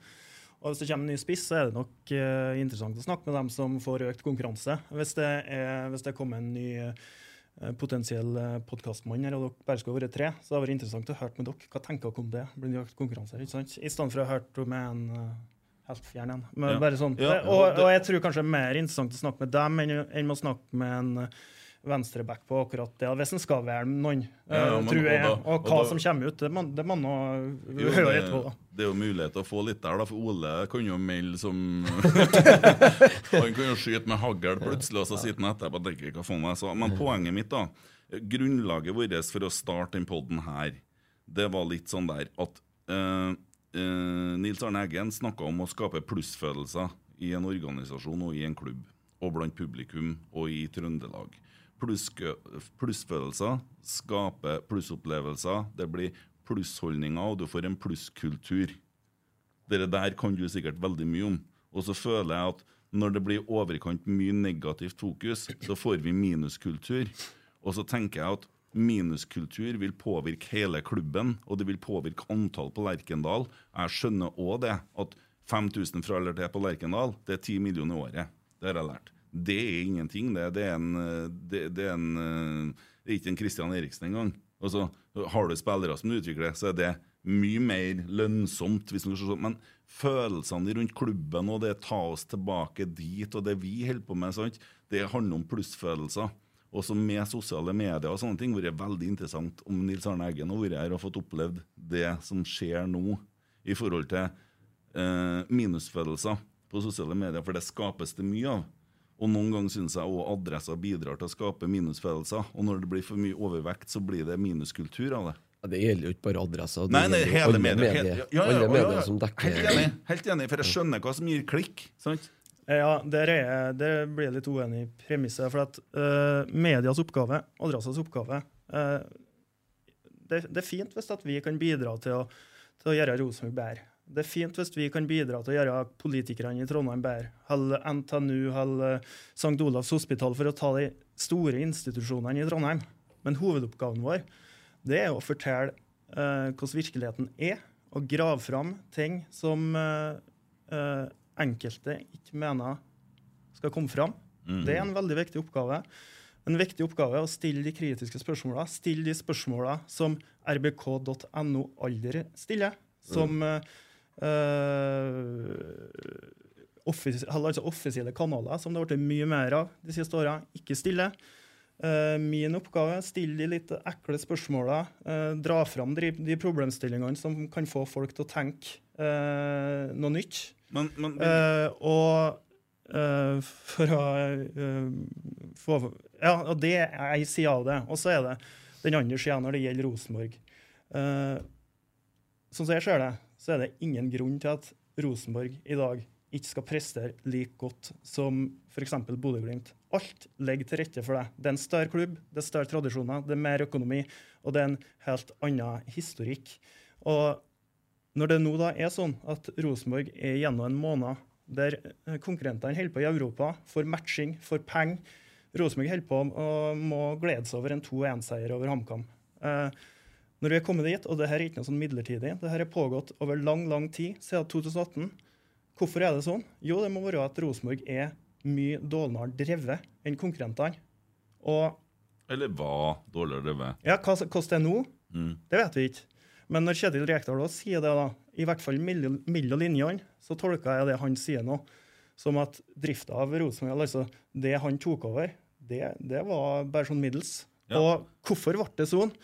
Og, og nettopp det, vi, selv om kanskje noen mener at nå er det endra, så kan ikke vi bare eh, eh, ta det for god fisk da, og, og, og tro at nå er alt i orden. Vi, kanskje er klubben på rett vei nå. Kanskje er det bare en fortsettelse av det Ja. som var i fjor. For at vi tenkte vel litt på samme måte i fjor òg, da det var gode perioder under Åge Hareide. Men det var jo ikke Det, det gikk ikke rett vei. Nei, men nå har vi analysert det her sånn at vi har stigning vi for hver kamp, og, og, og nå kommer poengene når vi avgjør det som ville ha blitt uavgjort. og vi- Christer har tatt denne analysen, og det, det er veldig greit. Og eh, Jeg skjønner forklaringa di, men så hører jeg da Rasmus og Saga, og de sier at jobben vår det er å ta Rosenborg. Nei, det- må måle Rosenborg på det, Ja, og- deres egne ambisjoner. Er Eller å ta, Rosenborg, Ja, har jeg hørt om. Eh, Men altså hvor blir det av da plussfølelsene? Har ikke adressa også bruk for at det blir plussfølelser da? Eh, Hvis at vi skal bidra til at Rosenborg blir bedre, så Mm. tror jeg det vi kan bidra med, det er faktisk den kritiske journalistikken. Mm. Uh, Gladsaker er bra, og det er veldig fint hvis vi kan det. Og naturligvis har Rosenborg vært i Champions League nå. eller Rosenborg kjempa i Europa sånn som de gjorde for noen år siden, bare under Eirik Horneland. Jeg husker den høsten med Horneland, jeg var kommentator da, og de her ukene her, i juli-august. Ja, ja, ja. tror hver eneste dag at, vil- at det var en sånn eh, en, Jeg skrev nesten hver dag en eh, kommentar der det var forventninger. Kan bli det vi møter. Jeg vil dra en liten parallell eh, til det du snakker om nå. Eh, og det handler egentlig litt om måten klubben blir drevet på. Og de, nå dekket jo dere veldig bra opp mot årsmøtet. Og det var jo en gjenganger der at medlemmene har blitt så krevende og så slitsomme. Men det virker på meg, i hvert fall, når jeg hørte eh, etter at Gotaas Johnsen var i Rasmus og Saga nå på onsdag, at eh, det virker som at de krevende og slitsomme medlemmene nå faktisk begynner å stille krav til hvordan klubben skal drives. Så nå går man ut tidlig og sier at ja, vi skal utlyse en ny daglig leder. Per nå så har vi en daglig, eller vi har to daglige ledere ansatt. Ingen av dem er ansatt etter åpen utlysning. Men en akademisjef som heller ikke har vært gjennom noe annet enn et par mailer. Eh, I hvert fall, utad. Skal dere sitte i lag, dere? Nei, så, nei, men også, det er jo det her som er viktig. Det er jo det her som er det eh, viktig. Er jo det her som er viktig, for det er jo her som er grunnen til den nedadgående spiralen, tror jeg, da. Eh, du har en sportsdirektør som, uh, i hvert fall så vidt jeg klarte å lese meg på den gangen, heller ikke var på noen intervjurunde med bred utlysning Ja, ja. av andre sportsdirektører. Ja. Men det, det er jo det der vi snakker om, ikke sant? At, det, det, altså det kritiske, når du skal ha Men- kritisk søkelys på ting. Ja, men det er jo litt artig hvordan du hører det, og hvordan jeg hører den podden. For jeg hører en helt forskjellig, sant? Men jeg, jeg, Jeg hører en styreleder som setter en helt ny profesjonell kurs for Rosenborg, Ja. der man faktisk eh, sier at sånn skal vi, vi Vi skal gjøre det sånn, og da skal vi gjøre det sånn. men, men tror du spillerne blir påvirka av kommentarene som du skriver? På kort sikt? Ja, det tror jeg. Mm. Og, og hvis, det, hvis det har vært sånn at vi i Adressa har bestemt oss for at vår oppgave det er å sørge for at Rosenborg har best mulige forutsetninger for å vinne den neste fotballkampen. Mm. Da har vi jo vi skal jobbe på en annen måte, men det er ikke sånn vi jobber. Det er ikke sånn vi tenker. Det er ikke vår oppgave at Rosenborg skal vinne den neste fotballkampen. Uh, og Derfor så er det sånn at det er litt sånn Jeg tar ikke av om Rosenborg vinner mot HamKam i kveld, Jeg har tre seire på rad. Og uh, Det har vært helt feil av meg å gjort det, Ja, men, men men- ser jeg en langsiktig god utvikling, uh, og hvis jeg er helt overbevist om at klubben er på rett vei, eh, da blir det begeistrende kommentarer. Ja, jeg er overbevist om det. Og jeg ser et veldig, veldig ungt lag. Jeg kan ikke huske på sist vi hadde et så ungt lag, som tar stadig nye steg. Så, så kan vi diskutere kampen i dag, kampen mot Odd òg. Men det at vi klarer å gjøre det vi gjør andre omgangen der, det er en maktdemonstrasjon, syns jeg. Og at vi står den kampen ut. Det er snakk om gutter på 19, 20, 21 år, og det er masse trøndere. Vi er tilbake i 2011, men jeg vil gjerne være nå og ser det jeg ser, og ønsker at det skal være sånn. Og så- men eh, når jeg hører den podden som du snakker om, Rasmus og Saga med Cecilie, så Ja. hører jeg at de sier blant annet det handla spillere for 20 millioner nå. Og så tenker jeg jøss, er det handla spillere for 20 millioner? Da etablerer de den sannheten. Eh, jeg tror det handla spillere for nærmere 10 millioner. Eh, de sier at det er skader. Altså medisinske apparatet til Rosenborg, de snakka med på La Manga, eh, ikke fungerer fordi at det er fortsatt skader. Men som jeg ser det, så er det skadene som vi har, stort sett skader som er arva fra i fjor. Så jeg er ikke enig i den heller. Uh, og, og sånne, så, jeg, så tenker jeg, hvorfor, hvorfor etablerer man det der? Hvorfor, altså, man vet jo ikke summene. Det er jo ting som er antatt, og sånn, men det blir etablert, og så blir det på en måte spredd en sånn da, da, da blir det en sannhet som er etablert fra adressa. Jeg syns det er skummelt. Ja, akkurat det der eh, tallene der, det har jeg ikke oversikt over. da. Um, Men hvor ligger forventningene dine til Rosenborg, da? Jeg tenker sånn todelt det der, at uh, i utgang, hal, vi skal dømme uh, Vi skal først høre hvilke forventninger har Rosenborg. Hvilke ambisjoner har Rosenborg. Uh, og nå sa jo Gotaas Johnsen det, det er to i Norge, og alt i Europa. Det gjelder vel fortsatt. Ja, jeg, jeg er uenig i den, for jeg syns det er galskap av styret å si det, for at de lager forventninger. Jo. Ja, jo, jo. Jo, men det er styret sjøl som har sagt satt den. Det sier styret. Og jeg tenker at det er Jeg mener at Rosenborg bør ligge der. Mm. Å vinne serien hvert år, det er ikke nødvendigvis at det går an. Men alltid i Europa og være blant de to-tre best. Og hvis det jeg syns at ambisjonen da er der den skal være, da må jeg måle dem etter det. Og da er jo det de holder på med nå fortsatt, det de holdt på med i fjor, det er langt unna ambisjonen. Og når da, vi da i tillegg ser litt hvordan attraktiviteten er for eh, spillere, eh, for lokale talent, det å fylle Lerkendal eh, så er det mye å ta tak i. Og så har det vært sånn at eh, styret og klubben har sagt at eh, topp fem er nok. Eh, Europa en gang i tiåret er, er tilstrekkelig. Da har jeg tykt det har vært for lågt, og da har jeg måttet gått løs på Mm. ambisjonene. Ja. Eh, så det er litt todelt, det der, da. Og, eh, men jeg, jeg ser ikke noen grunn til at Rosenborg ikke skal være i norgestoppen i fotball. Eller, ja, ja, Ja, nå har vi jo egentlig hatt to sesonger ned, så vi Men så er det jo litt sånn eh, På en måte så eh, Jeg har sagt det her før, at eh, jeg er fornøyd da hvis vi klarer topp tre i år. For, på grunn av eh, egentlig den spiralen som har vært, og det har jo eh, Det har vært så mye negativt de siste fire årene, og at man klarer på en måte å få lagt et gulv nå, og så se at pila peker oppover igjen så er det jo det Da vil jeg jo si at selv om styret da budsjetterer med andreplass, så, så mener jeg topp tre er innafor. Jeg tror ikke det var så mange som ville ha budsjettert med sølv i desember i fjor. Jeg har, og har et faglig spørsmål. Det Et siste jeg har om den podden som jeg har hørt om. Eh, fordi at det blir også sagt at eh, Jeg tror ikke at folk går på det, men det blir sagt. Eh, spillere i Norge nå selges for 10 millioner. Vi har en Vebjørn Hoff som ikke blir brukt. Han bør vi få minst 10 millioner for. Altså, da snakker man om en spiller som ikke har fungert særlig godt i år. Eh, Sist kampen han kom inn, mista han vel ballen tre ganger, tror jeg, i løpet av et kvarter. Han spiller på RBK2. Han har ikke vært med i kamptroppen to siste bortekampene. Eh, mener du da at vi bør få 10 millioner for Vebjørn Hoff, og hvordan skulle vi i så fall ha fått til det?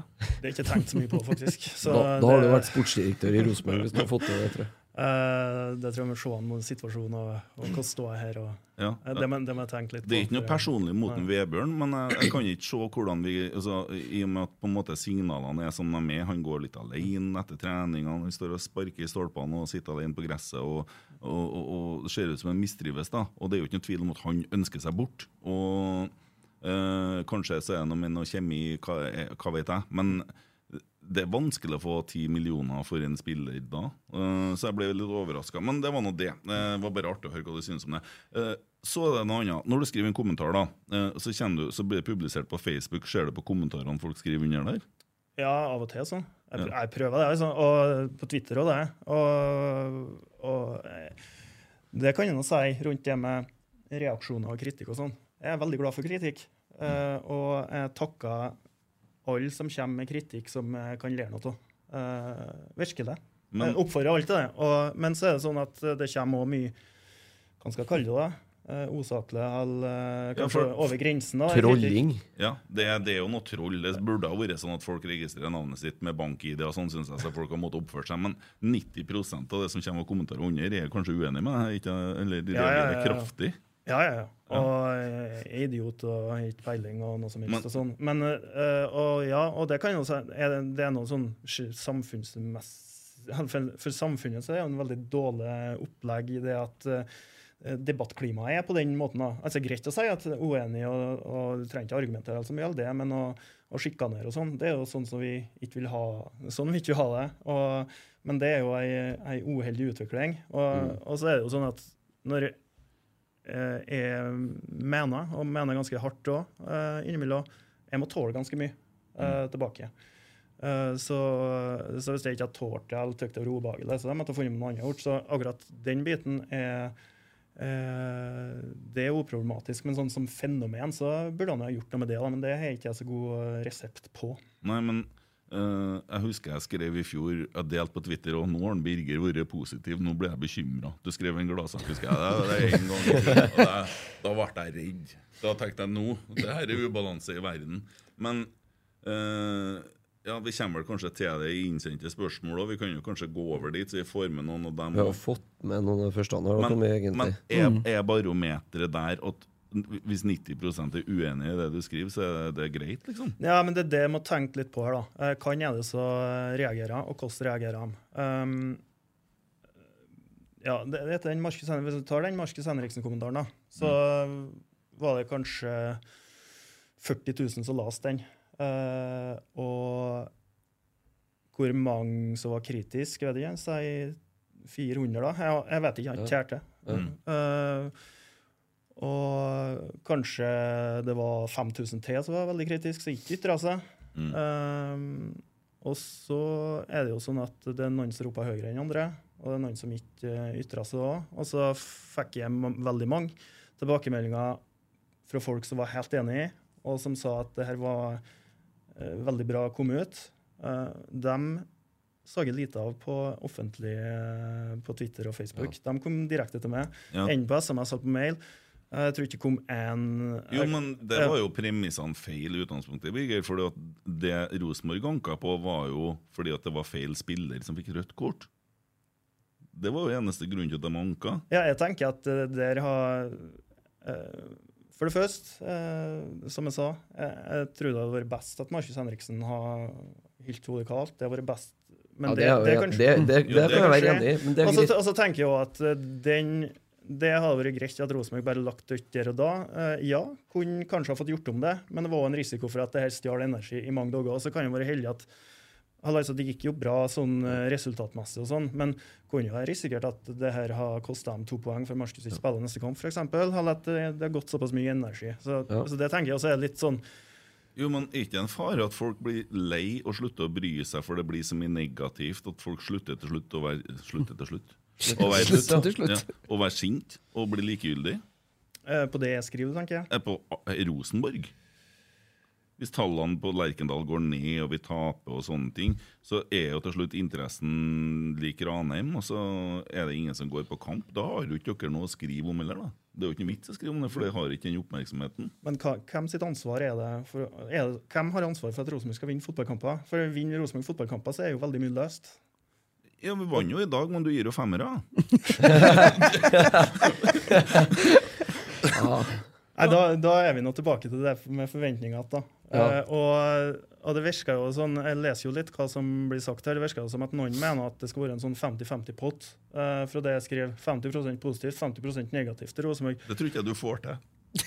Nei, men Nei, men hadde det vært, hadde vært på 90-tallet jeg har jobba, så hadde det nok skilt litt annerledes ut. Men òg da så er det jo viktig at det er kritisk. Vi hadde jo Kroksæter på 90-tallet, og det var ja, men ta, bare ta jubelscener. ja, 2015, da. ja. Som er et uh, godt uh, Ja. bilde, egentlig, Ja. på et jubelår, kan du si. Uh, når vi endelig tar tilbake seriemesterskapet etter fem år. Ja, og da har det jo helt klart blitt flere kommentarer som har vært positive, da. Ja. Men i, selv i sånne perioder så er det veldig viktig at oss er kritisk, eh, sånn at f.eks. organisasjonen ikke sovna. For Ja, for det gjorde den jo. det var jo det, og der tror jeg nå at media kanskje også bør ta litt sjølkritikk for at vi var ikke kritiske nok. Vi var ikke nok på hugget. Mm. Og hvis, at, uh, hvis vi skulle ha sett gjennom det vi har gjort, det media har gjort eh, i 2017, 2018, 2019, 2020, så tror jeg at jeg har kommet til å konkludere med at det har ikke vært nok kritisk journalistikk på Rosenborg. Nei, og det er litt- som jeg snakka om i forhold til årsmøtet òg. Det er min mening, jeg har gått på ganske mange årsmøter, og det er den beste, den definitivt den uka opp mot årsmøtet nå, beste dekninga både dere og nå har Nidaros kommet på banen etter hvert òg. Eh, den dekninga har jeg savna i mange år, og da kanskje sånn eh, i, da Spesielt da i de gode årene. For da kunne man egentlig bare gjøre hva man ville. Eh, og så ble jo alt klappa gjennom og ferdig til kvart på ni uansett. Men det ble gjort uh, relativt uh, i ettertid sett, da. Så er det jo mye organisasjonsfeil her som har skjedd, ikke sant? Som gjør at det baller jo på seg. det her.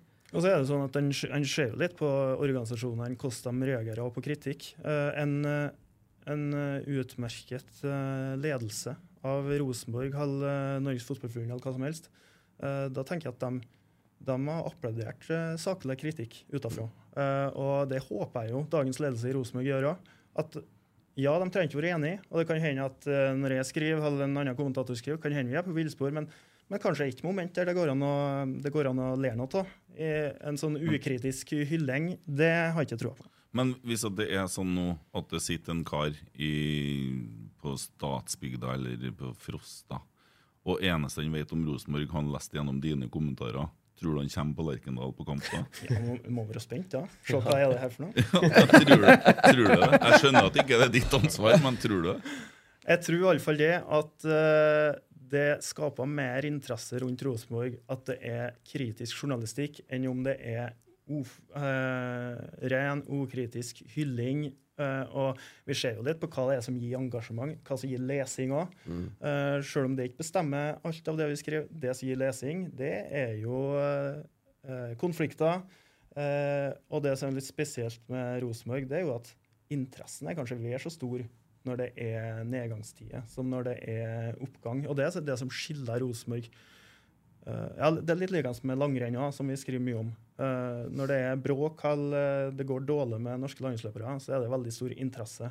Det er litt forskjell på annen idrett som vi skriver om, eh, da, det, da interessen er størst når det går godt. Hvorfor tror du det er sånn? Jeg tror det er fordi at interessen, den grunnleggende interessen er så veldig stor for Rosenborg og for langrenn i Trøndelag. At eh, når at det ikke går godt, så skaper det jo et veldig engasjement, og folk lurer på hva, så det skaper diskusjoner. De lurer på hva, hva skyldes det her for noe, og de eh, ønsker svar, dem òg. Det, det si det, det rare er at um, når du snakker om det der, så er det faktisk den tida da kjernen vokste mest. Det var i den tida mellom 2010 og 2015. Og nå skjer jo egentlig det samme igjen i år òg. Så det er liksom etter noen år med nedgang, så blir det som det går en faen i folk. Ja, jo, men jeg tror nå uansett supporterhjertet mitt det trenger positiv Ja, ja, du trenger litt kjæling, vet du. Og jeg tror Trøndelag trenger plussfølelser. Ja, det var ikke det, men det var bare nei, men en, Jeg eh, savner Og når jeg var i 1992 og Gøran Sørloth for å sprang på Marienborg stadion, og alle var superhelter, og uh, det var egentlig ganske trivielt, men det var altså, Alt var annerledes. Og da, da var det jo ikke den kritiske på den måten. Ja, ja, det kom en liten kemnersak der, men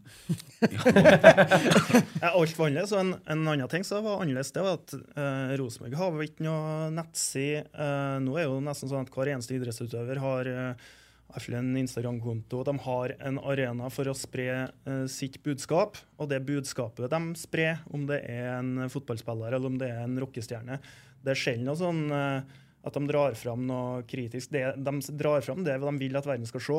Og sånn er det jo med Rosenborg òg.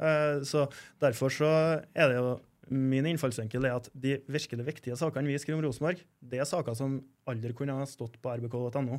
Og likeens med uh, saker på andre stoffområder.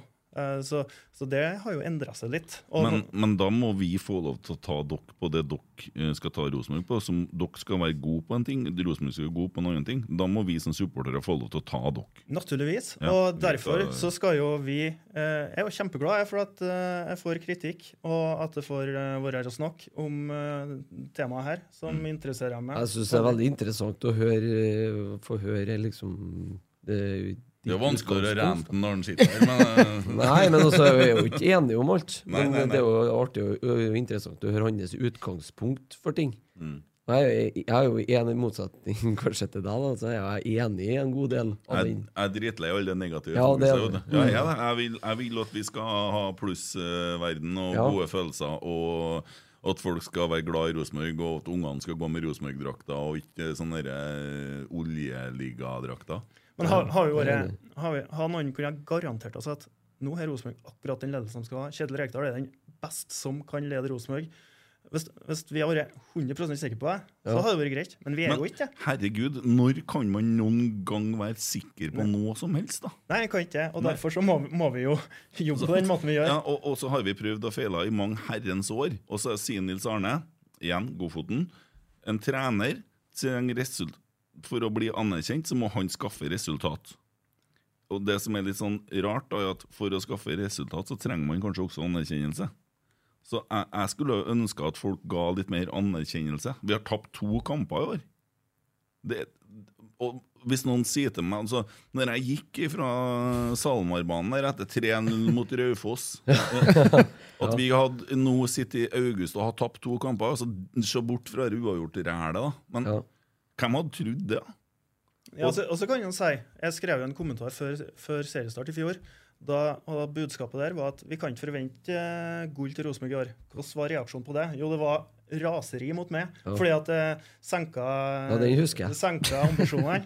Og det viser jo at den kommentaren den var jo en av dem som traff aller best. Mm. Og så det, hadde det gått ett år, og jeg skrev vel noe av det samme i år, og det var ikke en eneste reaksjon. Og eh, hva er det et tegn på? Er det et tegn på at folk har resignert? Og det er iallfall ikke bra. Hvis Nei, at det er jeg sånn tror realitetsorientering er Ja. som har foregått i vinter. I, nei, nei, jeg er ikke realist i det hele tatt. Uh, Nei, jeg må ikke, må ikke beskylde meg for sånt. og Da, nå tilta Janne Røle igjen. ja, men det var ikke det jeg, Nå var ikke jeg mente. Altså, når, I forhold At man ikke kan det, Jeg jeg har i hvert fall ikke forventa noe gull i år. Nei, nei, men poenget er at nå er en Kjetil her, sant? Ja. Jeg var jo Kjetil Knutsen, snakk, bla, bla, bla. bla. Så kommer Kjetil. Her har jeg holdt på med i mange år nå. 100 still bak. 100% Støtte med det man klarer. Jo, Sånn det, det. og det er jo greit. Og så kommer det en dag hvor han drar til Hertha Berlin eller til Discovery, avhengig av hva resultatene blir. Den dagen kommer. Eh, Det bør ikke være noe sjokk.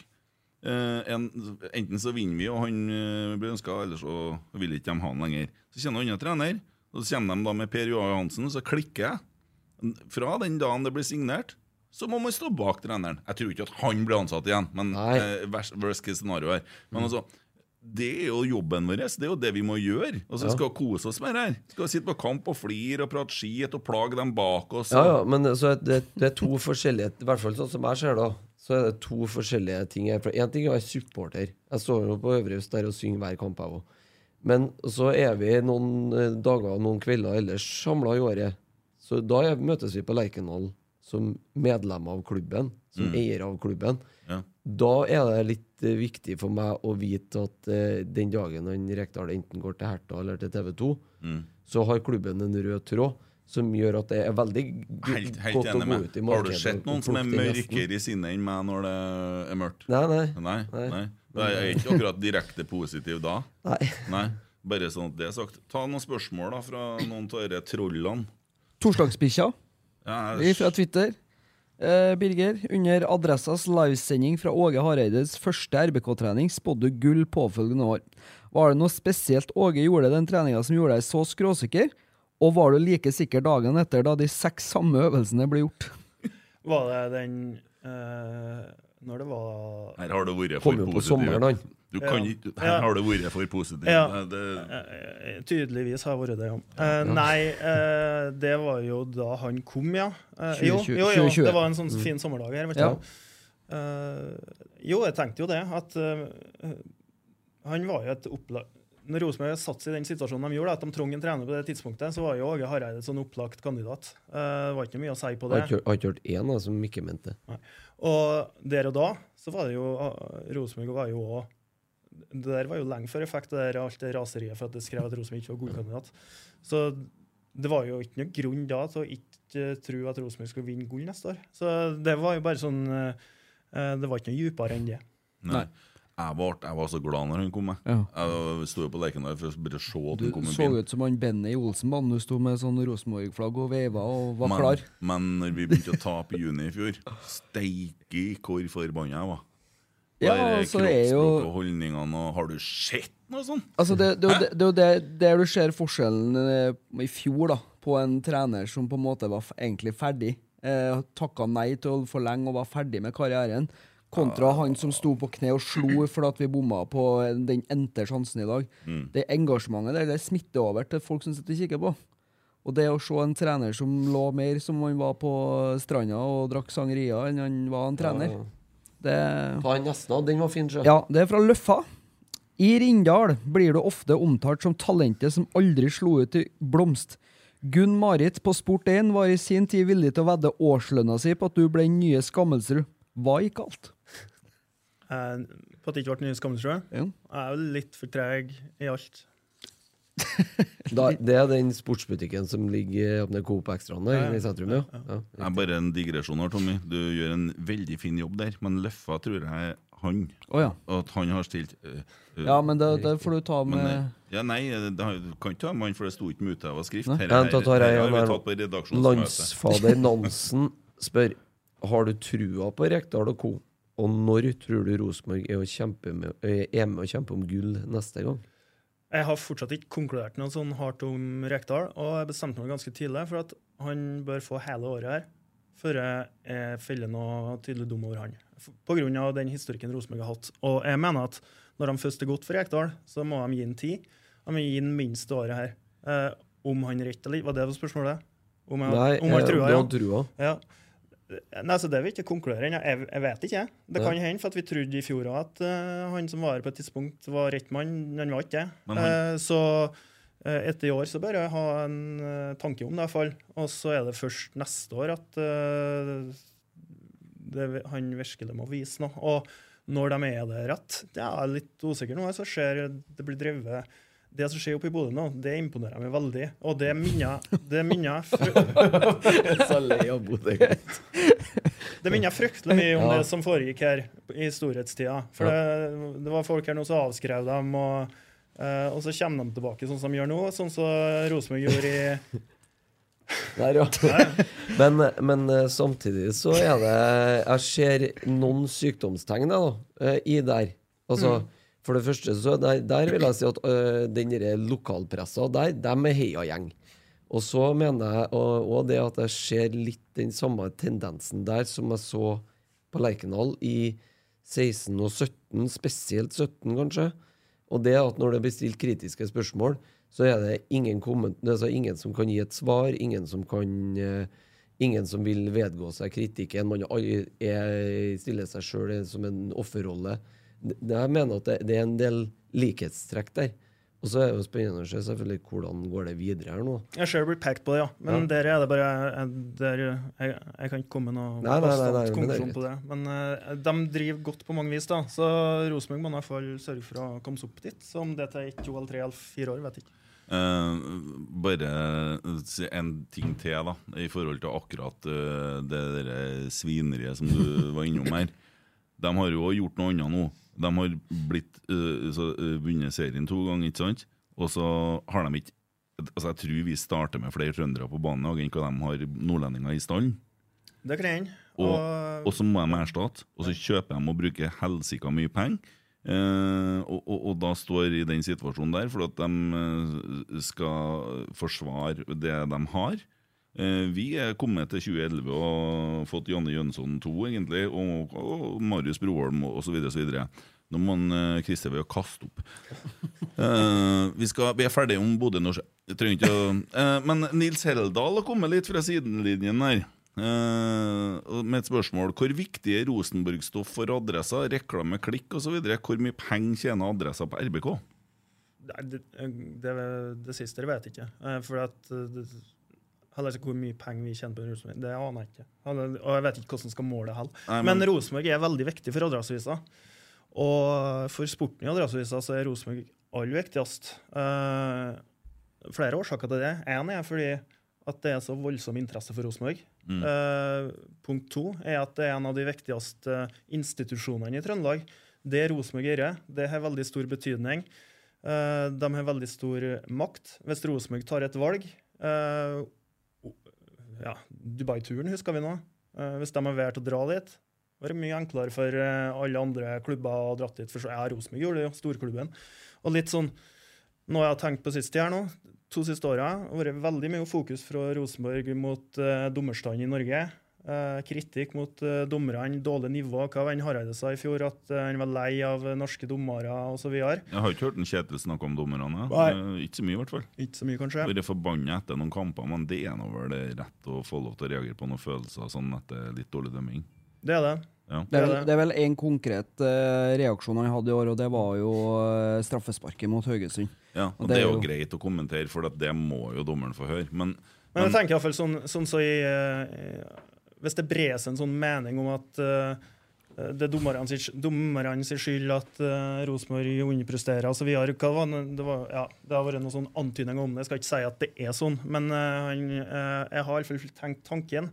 Eh, så det er noe Rosenborg bør tenke på. når jeg samtidig ser det reportasjene på TV 2 i to siste dagene om om hvordan dommere blir behandla rundt om. Altså Måten Rosenborg snakka om dommerstanden på, behandla dem på, det, det er jo en greie oppi det der. Og Ja, jeg sier ikke at det er sånn, men det har vært noe tegn. i Har ikke reagert noe på det i året. Men uh, Nils Heldal da stiller deg spørsmålet hvor viktig Rosenborg-stoff er for adressa. Uh, og, og, og gjentar spørsmålet reklame, klikk osv. Og så hvor mye penger tjener adressa på RBK. Hva er det som får Nils Heldal, som har jobba i medieavdelinga i Rosenborg, til å gå inn nå og stille det spørsmålet?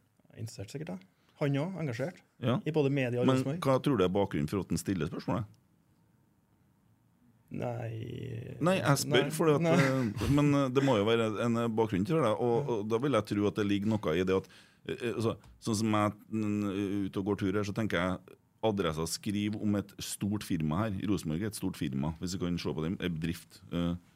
Det er vel ingen andre bedrifter dere skriver så mye om, og har møte opp med to-tre mann pluss fotograf nesten hver dag på plassen til. Nei, og så er det vel ikke noen annen bedrifter som har 10 000 besøkende eller 15 000 besøkende annenhver helg, hell, eh, som kommer og ser på det bedriften gjør. Hell, mange hundre tusen som ser på TV. Mm. Så det, det, er, det er noe helt eget. Og heldigvis har vi Rosenborg. Heldigvis er engasjementet så voldsomt. eh, og det er, jo, det er jo flere som er på det nivået der. Eh, Petter Northugdan drev den. Han var jo på samme nivå når det gjelder interesse og prioritering blant oss òg. Og, eh, men eh, Rosenborg er helt eh, opp der, da. Ja, men er ikke en fare, da? At når, at hvis at det går dårlig altså, Du skjønner jo hvorfor jeg er så ute etter det positive? Altså, jeg er redd for Ja, det- at det blir skapt likegyldighet, og at dere er med og bidrar til å skape likegyldighet. Uh, ja Jeg tenker sånn at Tenker du da at vi er så avhengig av Rosenborg, sånn at vi må sørge for å holde interessen eh, til Rosenborg opp? Jeg tenker at uh, I takt med det Christer sier, så har man uh, selvsagt et ansvar i en organisasjon å påpeke ting som ikke fungerer. Uh, og, og, sånn, og, og det går ofte på det som er ramma, og at man bidrar til å bygge de rammene solid. Så går det på det sportslige og det sportslige fokuset. Så er glasset halvfullt eller halvtomt. Så har jeg inntrykk av at man ser på det som halvtomt litt for mange ganger og at folk til slutt blir litt mett eller litt lei. Altså, eh, for som du sier, man velger på et morgenmøte å gå til de to spissene i stedet for å hylle den nye ansettelsen. Så blir det på en måte litt sånn Jeg vet ikke, jeg har følelsen av, og det, det er mine følelser, det kan hende at det er helt feil, men at det blir litt for ofte halvtomt. Jeg tror likegyldigheten blir atskillig større hvis at vi går til en uh, Ja, en, en, en andrelagsspiller som sier at 'godt kjøp'. Altså, vi, ser jo, vi vet jo hva som engasjerer, vi vet hva som blir lest. Så jeg tror at uh, den type journalistikk gir mer likegyldighet. Men, men- det kan vi være uenige om. Ja, ja, det er vi sikkert, da. Men altså, for det at som Geir Arne Jeg, jeg ville ha sagt at det er forskjell på å barbere seg og skjære seg hodet. Du vet Ja. hva Geir Arne ville ha sagt? Jeg vet det. Det er forskjell på å rive av seg røret og Ja. Ja, ja. Eh, og, og så er det liksom. Noen ganger så savner jeg litt av det andre, og det er jo, men det er jo min som leser. Så mm, for all del. Ja, vær så god, fortsett, gutta. Mister snart bursdag Anders Arnvik. Det var jo Det var et jævlig spesielt navn han ordna seg på Twitter Ja. der. Ja, så han har sikkert snart bursdag. Ja. Eh, Søv du godt om natta sjøl om mange ikke liker det du skriver? Og har det kommet noen stygge SMS-er til diverse avisartikler? Du har vært inn litt på det. Ja, jeg ser veldig godt om natta om folk eh, ikke liker det jeg skriver. Eh, jeg kan jo si det om, om kritikk, da, for, for det er jo mye av det. Eh, og det han sikkert tenker på, det er alt på Facebook og sånn som sier at uh, idioter eller ikke peiling osv. Og det er helt uproblematisk. Men det som går inn på meg, uh, og som jeg tipper går inn på alle som vil prestere godt, det er hvis du får kritikk uh, der du føler at Oi, det her var jo helt rett. Her er det noe jeg har glemt. Her er, her er det et poeng jeg ikke har skjønt. Og det kan jo skje. Eh, her er det noen du har glemt å snakke med. Det er en faktaopplysning du ikke har. Hvis det kommer den type kritikk, da kan jeg sove dårlig om natta. Og det bør jeg gjøre òg. og sånn håper jeg jo det er med dem som driver uh, med alt du vil være så god som mulig. Om Ja. det er en Rosenborg-spiller eller om det er hva som helst. Ja. Så, eh, og så skjønner jeg at det, det kan virke eller at alle her eh, Det er jo mest på Facebook det er eh, veldig usaklig, da. Ja. At det kan gå inn. Men altså, hvis jeg bryr meg om det, da har man funnet meg noe annet å. For sånn er det dessverre litt av. Og for meg gjør ikke det noe. Mm. Hva, Det syns bak- du om, hva syns du om Otto Ulseth sine innlegg i Nidaros? da? Hvis du skulle gi en børs på det? Jeg synes nå, jeg har vokst opp mot Ulset Mm. eh, i Adressa på 90-tallet, eh, da Rosenborg og trøndersk idrett var på et helt annet nivå enn nå. Ja, men Eh, Fram til han bekka helt, for å Det var dine ord. Ja. Eh, Otto Ulseth, veldig god til å skrive. En av de beste i norsk sportspresse til å formulere seg. Veldig god kunnskap. Eh, kan historie. Eh, kan fotballfaget. Også ikke alltid nei, enig med i det han skriver. Uh, Somtid kan han treffe veldig godt. Eh, det tipper jeg han eh, kan mene om meg òg. og så leser jeg den skriver for at jeg syns det er interessant på flere vis. Både måten han skriver på, og inngangene, og eh, Ja, det er det. Eh, Altså eh, det, eh, Jeg gleder meg hver gang han skriver. mm. Eh, Ja, det gjør du, ja. Nypreppa skispor eller nyklipt Lerkendal? Morten Røvik som spør. Eh, tja. Uh, jeg likestiller egentlig de to eh, idrettene Uh, jobbmessig. Ski og fotball. Jeg tror jeg, tror jeg skriver ca. like mye om det. Når det gjelder egen aktivitet, så syntes jeg fotball var enda, enda artigere når jeg var gutt. da. Eh, men mindre fotballspilling nå. Nå er, nå er det mer ski, så det blir ganske jevnt. Ja. Bare for å svare Nils Heldal inn og melde igjen. Uh, hører du at jeg ropa litt i dag, Tommy? Eh, gjensidig avhengighetsforhold og at samfunnsoppdraget til adressa egentlig er å gi avkastning til eierne. Når det er sagt, så er Løvfalli en viktig stemme. Ja, da svarte han kanskje på det du Ja. sa. Han, eh, vi har eh, mangeveisdialog her. Ja, veldig bra, Tommy. Kjør videre. Uh, Øyvind Skomo Hansen. Spørsmål til Piggy. Kan du fortelle en vits? Nei, dårlig på vits. Ja, du er det. Dårlig på Ja, okay. Dårlig iallfall til å fortelle dem. Og så- Har du ingen vitser? Nei, nei, nei. Jo, det, Ja, nei, da må jeg kjenne meg mye bedre. Så det tar mange år, Der, før jeg ja, for, men du, du har humor og flire og tulle og herje og sånn. Blir virkelig kjent- Da må jeg bli kjent med meg. Ja, men gjør ikke så Jeg, jeg har sånn, jeg dummer meg ut. Jeg Senest i dag. Jeg gikk bort til en feil guttunge og begynte å prate i stad, og faren han ble veldig bekymra. For det sånn. Eh, Har du holdt på å kauka på han HamKam-treneren i dag, eller? ja. Ja. Ja. Og fjerdedommeren. Ja. Jeg var kanskje mest han det. Han var rimelig idiot nede på benken der, så jeg så han Reitan sto sånn som det her til han pekte på han, og så ja, sånn som ja, her. han, eh, Vi var jo på forberedt på at vi skulle, vi skulle prøve å psyke han ut, men jeg måtte jo spørre dem framom meg. Jeg sa jeg har ørepropper hvis dere ja, Nei, det, var, det blir brutalt med unger rundt, men vi så, Vi prøver å passe på To satt og ropa 'Tom, den setter deg ned', og slutt å Så vi brøla hele tida på dem. Ja. Og så han kirke, det. Kirkevold og de albuene. da. Det irriterte meg. Mm. Jeg blir, Ja. Når du ser at han er ute det og. Så Ja. det ja, det var mye albuer. Så du det, eller? Så det, jeg, jeg, jeg, må bare ta, jeg må bare ta med et spørsmål fra, eh, fra Daniel. Eller nei, det er ikke et spørsmål, faktisk. Det står bare 'Birger, jeg har klina med søskenbarnet ditt'. Jeg, jeg drev og prøvde eh, Den så jeg òg. Ja, du så den, Ja, ja. Der, der kan du få et humoristisk tips hvis du skal ta sånne som han. Mm. Det har jeg òg, sier du. da. ja. Jeg prøvde å sjekke ut, men jeg, jeg har ikke eh, vunnet fram med den saken. Men det skal, skal ettergås. I Rindalen, vet du, du vet, når vi er på slektstreff der, så hender det seg òg at de ordner seg noe. Ja, fint- fint der, altså. Svigermor er høyt oppi her. Ja, ja, ja. Det er akkurat. Kjempebra. Kjempeplass. Ja. Ola By Riise òg, er noe Ja, han ja, ja. Men du skjønte hva jeg snakka om slektstreff? Og Ja, ja, ja, seg ja, noen da, det, ja, ja, ja. ja, ikke- Sauene snakker bedre. Nei. Dere er så seriøse, det. Og det. Men du, har, du, må, jo du har jo humor. Du har jo latter i hverdagen. Nei, det kan ikke jeg dømme. Hvilke komiserier og sånn ser du på? Du skal anbefale en Netflix-greie til meg, eller noe sånt? Hva det? Dokument 2? Jeg, vil bygge image nå å være helt sånn seriøs. Nei, men nei, Schrødingers katt. nei, få, få en uh, Er du på Seinfeld, Frazier, eller er du sånn? Friends. Eh, nei, Gjertsen og Tastepriv mest Ja. for tida. Ja, da, det, da smiler du. Ja, jeg smiler ikke, jeg kan og sånn. ja. sitter og slår deg på låret og hylflirer? Nei, det, Nei, det skjer ikke. nei, akkurat. Hvem er verste komikeren du vet, da? Nei. Ja, Jeg har, jeg har min desidert som, som holder på nå. Når Else Kåss Furuseth kommer på TV-en, ja. da blir jeg dårlig. Jeg ikke Du kan ikke si noen ting jeg syns er morsomt. Du. Ja. Nei. Jeg, jeg får det ikke til. Bare gjør oss ferdig med Rindalen og Trollheimen og sånn, da. Igelkjønna, Norges beste badevann. Bra den, ja. Mm. Jeg en- Mats Elven som spør om det. Ja. Nei, jeg har vært mye der de siste dagene. Igel, det er ikke sånn blodigler? Jo. Ja, er det derfor det heter det? Ja, jeg tror det. Det er det vannet som ligger på venstresida før du kommer til sentrum der, ikke ja. Ja. Nei, det er Hvorfor kaller jeg eh, Du kaller det står blodfaldig? Jeg skjønner at det blir Men jeg leser blod som i Dracula. Ja. Ja. Nei, det er en sånn Ja. humoristisk Ja. Ja, ja. ja, ja. Blod. Dracula. YV89.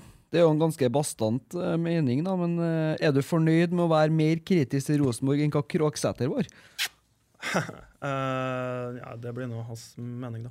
Men uh, det er kanskje mest imponert over Krogseth var nå forgjengeren min, da. Det jeg tykte var det alle likte med han, det var jo den standhaftigheten han har. Og eh, evnen til å stå i stormen og være kritisk, sjøl om det. Han fikk mye kritikk, han.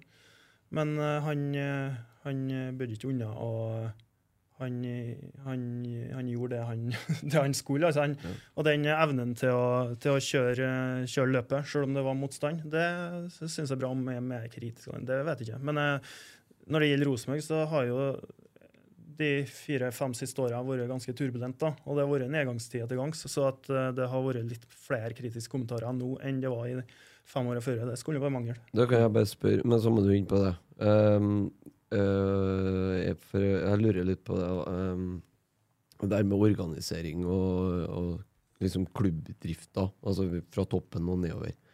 Hvordan mener du at det bør se ut i Rosenborg? Altså, du har jo selvfølgelig styre i årsmøte på toppen. Og så hvis du da skal trekke Nei, linjene igjennom. Kanskje mest interessant er sportslederen eller sportslig direktør. Hvilken myndighet og posisjon skal den ha? Og i dagens fotballverden så er det jo litt sånn at altså det er jo Kjetil Rekdals oppgave eh, det er, Han skal bygge lag på, ti, på over tid, men en fotballtrener i dag han overlever ikke hvis du ikke vinner fotballkamper over en viss periode. Så sånn eh, Å vinne den neste kampen er ganske viktig for, eh, for hovedtreneren i Rosenborg, Mm. spesielt Rosenborg, pga. at det er Rosenborg.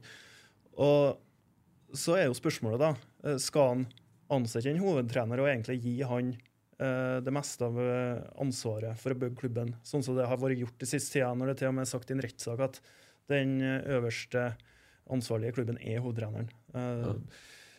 Jeg tror jo at det her med å ha en eh, sportsdirektør som eh, ser de lange linjene, som staker ut kursen, og som er ansvarlig for at det er en rød tråd i klubben som jeg ikke klarer å se, som jeg ikke har sett på lang tid, eh, er viktig. Eh, For det var ikke behov for det på samme måte når Nils Arne Eggen var her på 90-tallet. Men Nils Arne Eggen var en helt unik uh, mann som du ikke, uh, ikke får igjen. Um, Men- og nå, sk- sk- altså Hvis Rekdal vinner med Rosenborg nå, tar dem ut i Europa, så er det stor sannsynlighet for at han blir kjøpt opp. Uh, Ja. Henta av en annen klubb. Og hvis han ikke klarer det, så får han eh, sparken. Altså, så skal de da begynne på nytt igjen. Jeg tror at Norge... Hva tenker du om den sportslige koordinator eh, For de, de la jo om den sportslige organiseringa på årsmøtet, eller til årsmøtet i år nå. Mm. Hva tenker du om den nye varianten? For nå er jo de sportslige lederne er jo ikke lenger sportslige ledere. Nei, de er jo sportslige eh, Altså, de er jo en slags uh, teknisk funksjon under, Mm. under Vikvang. Ja, det er jo ganske ferskt der, så jeg, jeg vet litt for lite. Jeg vil gjerne vite litt mer om hva det er de gjør. Uh, men uh, å ha en som uh, har et overordnet ansvar der, uh, og sørger for at hvis en Kjetil Rekdal nå kommer i januar, så skal han ikke komme til et bruk der du er nødt til å begynne med Ut fra det han sier, da, så virker det jo som at du må begynne ganske på scratch. Mm. Uh, og, ja, og det, skal jo ikke det har han jo sagt. og Ja. k- kan jeg så tillate det? Uh, lurer jeg på da. Og der må det være noen som har ansvar for at sånn skal ikke være i. Rosenborg. Ja, Der hadde vi jo litt grann sist òg, og tok jo opp uh, bare denne svenskehandelen som dere sikkert har kalt det noen ganger. Uh, Adam Andersson, hvor er han? Uh, Augustinsson. Uh, Vekka, for så vidt òg. Uh, Widersen Paul og DNT, vet du. Vagic. Vagic. Og det, det er liksom uh, Går an å begynne å stille noen spørsmål der? Ja, altså Hvorfor de blir henta. når du ser Og hvor mye koster de? Ja, Mm. og hva er de tenkt til? Og det er jo eh, Du vil ikke høre noe snakk om Bodø, da, men eh, det som skjer oppi der, det virker jo at det er en mye mer plan over hva som blir gjort, og det blir henta folk dit som, Ja. som skal dit, og, og det varer over tid, da. Ja, men da kan jeg fortelle at den planen har vi, vi jo nå. Og det er jeg helt sikker på at det har kommet via Kjetil, via Geir og Roar, og at det er en veldig god plan. Altså Leo Kornic, som kommer eh, i løpet av nå neste uke. Det er jo ikke tilfeldig kjøp. Det er jo helt tydelig at eh, man ser at Erlendal Reitan kanskje er bedre om han blir omskolert midtstopper, ikke sant? Eh, og, og, og, en del av de andre kjøpene som er Det er mye mer tilpassa det vi holder på med, og vi fyller nå på plasser. Men de må jo få litt mer tid. Vet du hvor mange kamper eh, Kjetil og Geir har tapt på det siste mange herrens av tre? Sikkert snart 40 kampene, eller? Det er to. Har du sjekka? Det er to. Det er to kamper, ja. Mm. ja. Jo, men, det, det er noe men det, er det, bare det, en kommentar til en som ja. har lagt ut er noen som har vært og skrevet på bilen til Odin Tiago Holm. På tide å vaske bilen, skriver han. Noen som har og skrevet RBK på bilen hans i skiten. Altså Når dere først har muligheten, hvorfor riper ikke dere inn? Ja? Altså, Det er en Porsche, ærlig talt. Men eh, det, jeg syns det er veldig interessant det der med organiseringa. Men eh, altså, det er jo uh, tviler ikke på at en, øh, Kjetil Rekdal og Geir Frigård og Råstrand har en veldig god plan for hva de skal med laget. Men hvis vi da Tenk deg hvis vi skulle vinne seriegull i år, da. Eller neste år. Og så trenger Hertha Berlin en ny hovedtrener, som er eksempelet ditt, Kent. Mm. Hvem er det da som skal ha den neste planen i Rosenborg? Jo, det må jo bli en som, Nå er det veldig mange som spiller det samme, da, og da ser jeg for meg at det er lettere for han som er i Lillestrøm nå, eh, Ja, men- men- for eksempel, å komme til Rosenborg. Eh, Ja, men er det da sånn Er det da eh, eh, Skal det da liksom fordi at det fungerer med dem, den trioen som er nå, er det da vedtatt uh, automatisk at den nesten òg skal spille 3-5-2? Men 3-4-3? det, det der har man snakka om nå fra styret, at man skal bygge noen rammer som gjør Ja. at man kan slippe å begynne på nytt hver gang, men at man skal sikre noen rammer, et rammeverk som Ja, jeg tror, på den måten. jeg tror at de, de kjemper, jeg, og jeg håper i hvert fall, og jeg tror òg med det nye styret vi har fått nå, for det virker som det er litt mer eh, At man tenker litt mer i de baner. Mm. Så jeg er pos veldig positiv til det. Er Det som er lille dryppene jeg har hørt, da, for så vidt. Ja, Og og det tror jeg òg at det på en måte Og bare så det er sagt, jeg opplever trenerteam og klubben som veldig transparent på alt de gjør. Og så det, Du får svar hvis Mm. du lurer på noe. Og, og, og det òg gjør det på en måte lettere å videreføre da, og få til noe slags ny kontinuitet igjen. da. Så ja, beklager. Det er topp hvis du har eh, rett, og du, du er helt sikker. Men uh, jeg kan ikke være helt sikker på at de er på rett sporet. Da er ikke jobben min. Nei, men det var dere ikke når Nils Arne Eggen var på trener Rosenborg heller. Altså journalistene. Eh, hele veien. Altså, det var snakk om at han burde gå mange ganger. Og hadde han vært i Rosenborg med det trøkket som er nå, kontra sånn som det var da, for det endra seg veldig, det blir veldig interessant. Jeg tror trøkket er atskillig mindre nå enn det var på tampen av eh, Spesielt i åra etter Nils Arne Eggen. Ikke i forhold til skitkasting og meningsløse kommentarer og masse ræl. Det var, folk var jo ikke så stygge den gangen. Jeg tenker på sosiale medier, ja. Ja. ja, ja det er annerledes. Men medietrykket ja. det her er bare min følelse, da, men jeg tror at medietrykket var atskillig hardere i 2004, 2005 og 2006 enn det er nå. Når han satt med parykk og spilte rom Ja, ja, ja. og gikk og røla opp her, det virka som han kosa seg, og ting var ganske trivelig, altså. Ja. Ja, ja, ja, Ja. Det har jo bare blitt vær og vær. Men ja, greit. Kjør videre. Ja, svart på den, eller, men jeg vet Ja, ikke. topp mot bunn. Den er jo litt fin å lese opp, da. Ja. Eh, for å skape litt kontrast her inne, har ikke et spørsmål, men faktisk støtter mange av tankene og det kritiske fokuset som jeg i stor grad mener han treffer godt med. Skal vi utvikle oss som klubb, må vi tåle såpass og ta til oss det som er relevant, stå på. Så det er jo en uh, fin tilbakemelding. Um, og så er det uh, heder og galle. Um, klassebooking, først og fremst. Så det er jo en fin tilbakemelding. Som sportsjournalist kreves det tverrfaglighet. Hva er hans personlige favorittsport? Um, jeg har sagt tidligere at fotball og langrenn det likestiller likestille.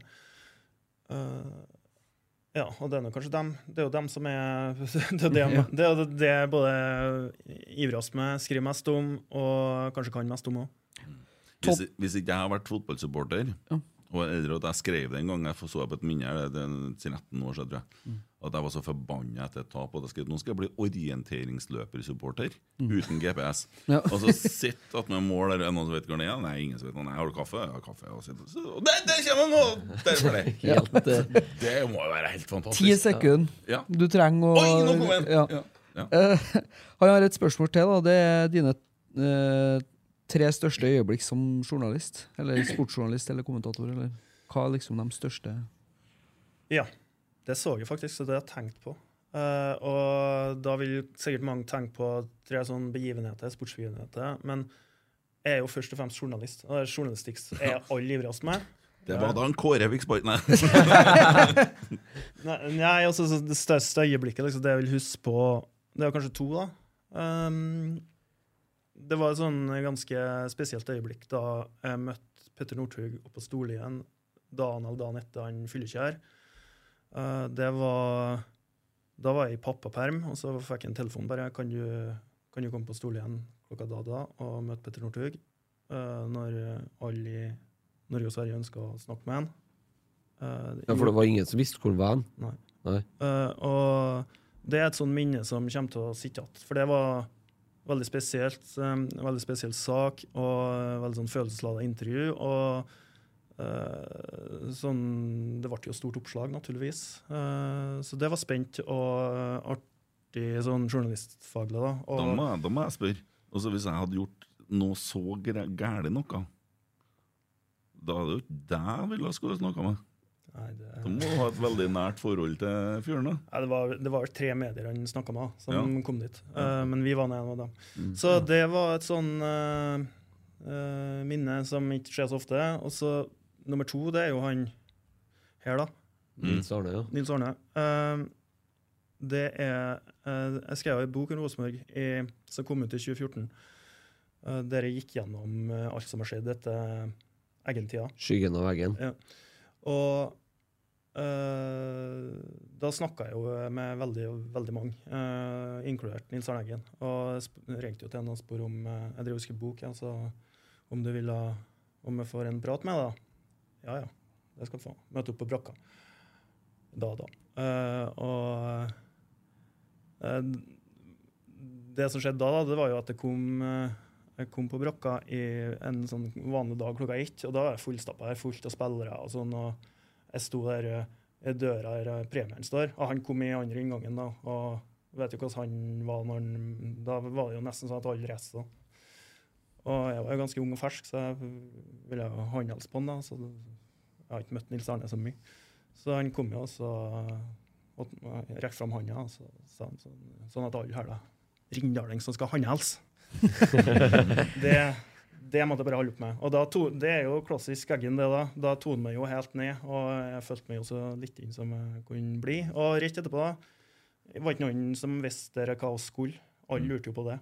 Og da toner meg jo med inn på kontoret her, da. Jeg, jeg, gjennom denne porten. Snakka ikke med noen.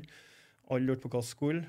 Og så setter vi oss på et kontor, og så lurte han på hvor lang tid trenger. Nei, jeg trenger kanskje en time. Så ah, time, det Det var ikke aktuelt, liksom.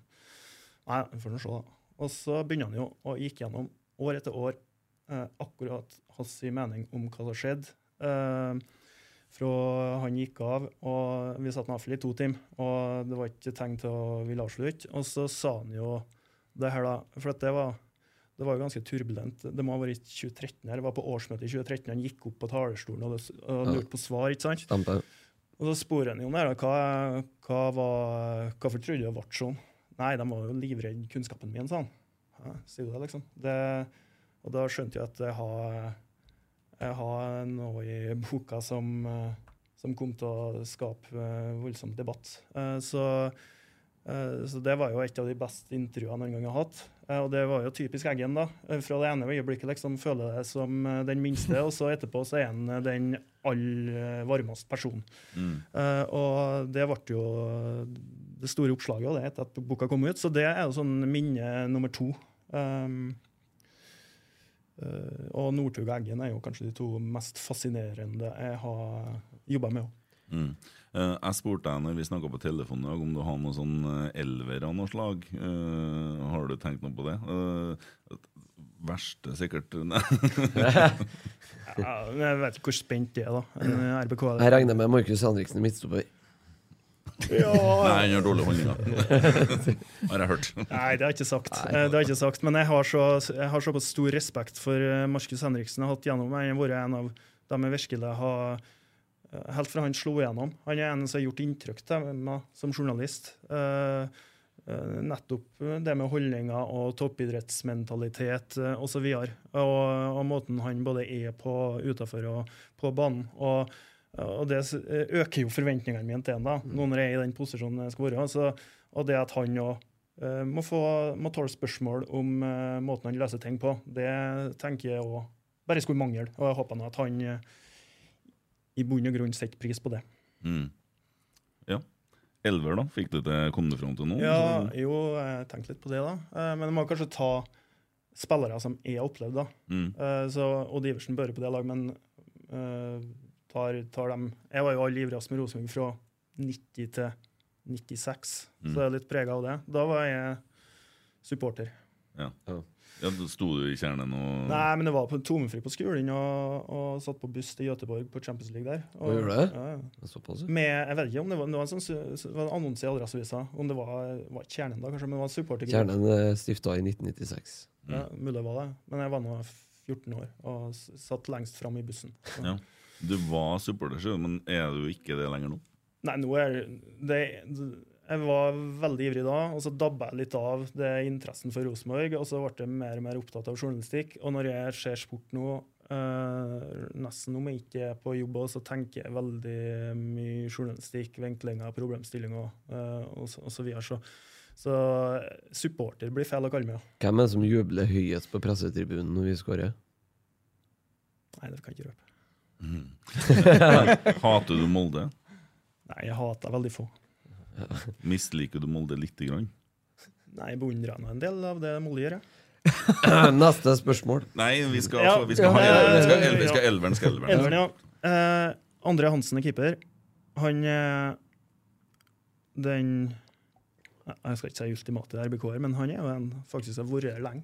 En som har prestert veldig godt over tid. og en som har de holdningene som er etterspør. Jeg tror at han er en sånn en som eh, bidrar til at Rosenborg faktisk er såpass bra som de er. Eh, så han uh, bør dit. Selv om det sikkert er noen før min tid som kanskje burde ha stått der. Men Jeg må si jeg er helt enig. Jeg satt og kjørte hjem fra Oslo i går kveld. Eller i natt. Og da hørte jeg om igjen den podkasten med André Hansen fra i vinter. En utrolig reflektert fyr. Ja. Eh, Og der er det liksom det der Det er ikke, det er ikke å forsvare det som er gjort. Det er ikke, det er ikke å prøve å, å framstille det her som så veldig bra. Det er å fortelle akkurat hvordan, hvordan han opplever at det er. Fordi at jeg, jeg opplever at han ønsker at uh, Rosenborg skal bli skikkelig gode igjen. Atskillig bedre enn de er nå. Og da går ikke an å ta det med ro og statstille og tro at det vi gjør i dag, er godt nok. Og sånn er Andre Hansen. Pluss at han er en kjempegod keeper. Ja. Um, Bekka jeg Skal se, jeg har notert litt her, da. Ja. Uh, Bekka kanskje så er vest, da. Um, er vel um, uh, Er vel Løken og Meling. Ja. Um, Heggem og Bergdølmo på benk der, da. Ja. Stoppere uh, Hoftun. Uh, og så, selv om Rune Bratseth ikke var liksom den som har gjort det mest i Rosenborg-drakta, så må han med. Mm. Han er vel kanskje den eh, Han var jo en av mine store helter på 90-tallet. Han er Kjetil Rekdal. Jeg, tror, jeg tror nesten det er ingen da, som, har, altså, som ikke har tatt med en Hoftun uh, som midtstopper i en eh, drømmealder. Det går jo ikke. Det har funka godt med Chris Statsgaard og Tore Reginussen er, eller Jo, jo, men Hoftun var et unikum. Ja, ja, ja, ja. Jo, jo, det er hans elver. Det, ja. Ja, og midtbanen er jo grei og, og sikkert litt tam, med Ørjan Berg og Skammelsrud og Roar Strand. Mm. Det er vanskelig også å ut, ja, utfordre dem der, da. Uh, Jan Derek på en kant. Uh, jeg tror vel Mini på andre kanten. Mm.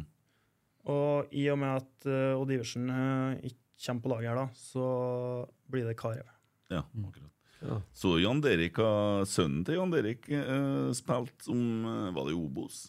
Eh, for et eller annet Ja, lag. for Raufoss, vel. Ja, var, Brattbakk og det er jo bare i sønner der. Det så jo ut som en Jan Erik når han sprang. Er Bjørneby junior der òg? Nei, Sandnes Ulf, Ja. Morsomt. Juniorene begynner å komme opp. ja. Nei, ja, fin Det er elver, dere fra der. Det er den jo- på 90-tallet. Hva syns du om elveren, da? Jeg syns Elveren var bra. Jeg ville ha satt opp den samme Elveren, men Du det hø- hører jo at han har litt følelser for klubben. Jeg tipper det at eh, det, det- er det jo, selvfølgelig. Når du har sittet på bussturen til Göteborg for å se Champions League, det og, Jeg er sikker på det. at han ringer skjerm, så jubler Ja. Det er han som jubler høyest på presseturen. Ja, det tror jeg òg. Uh. Eh, pisker dem litt fram. Ah, ja. Mm. Ja, det er veldig bra. Skal du ha noen flere spørsmål? Vi har vært innom veldig mye, altså. Inn den til en, eh, Nicolai Kahn her, da. Ja. Eh, hvordan påvirker sosiale medier, podkaster og ulike mer uformelle meningsbærere som ikke er like opptatt av Vær vars- Vær varsom-plakaten, den moderne frie sportspresset? Jeg tenker kanskje at Enten så følger du Vær vær- varsom-plakaten, eller så gjør du det ikke. Det blir litt vanskelig å gjøre halvveis. Så det må man skille på, da. Eh, Sånn halvveis her, eller? Ja, men ærlig talt, hør på en eh, Discovery-sending, da. Hør, ja. hør han Gauseth sitt, og er det Vær varsom-plakaten det han holder på med? Jeg skal ikke dømme noe her, men føler den vær varsom, så må man før den tru er, da. Men eh, det er jo veldig mye uh, media hell. Verden har endra seg veldig mye med det jeg snakka om litt tidligere, med at alle har bortimot sin egen kanal, der de ønsker å få fram det bildet som de eh, vil vise fram. Og det tror jeg påvirker pressen, og gjør oppgaven vår, altså den uavhengige pressen, da, gjør oppgaven enda viktigere. Å, å få fram eh, virkeligheten. eh, få fram eh, det som folk vil skjule og holde hemmelig. Og stille de ekle, ubehagelige spørsmåla. Eh, og i og med at eh, det er så mye alternative kanaler eh, Ta et eksempel med Rosenborg, som, som har sin eh, mange flater, der de f.eks. får fram de gladhistoriene og fine historier som på 90, i 1991 kanskje det har vært sånn dobbeltside i adressa, noen av de historiene eh, som de legger ut sjøl. Og, og sånn hender verden bare blitt. Ja, ja. Og, og da vil jo kanskje Og det er ikke sikkert det er dumt heller, at vår oppgave er mer det som dere oppfatter som kritisk eller negativ. Jeg vil ikke si negativ, skjønner jeg tror det er kritisk dere mener. At, at det er mer av det i, i våre spalter. Samtidig, så hvis en teller antall saker om Rosenborg et år i Adresseavisa, så tror jeg det er eh, veldig stor eh, del såkalte gladsaker. Mm.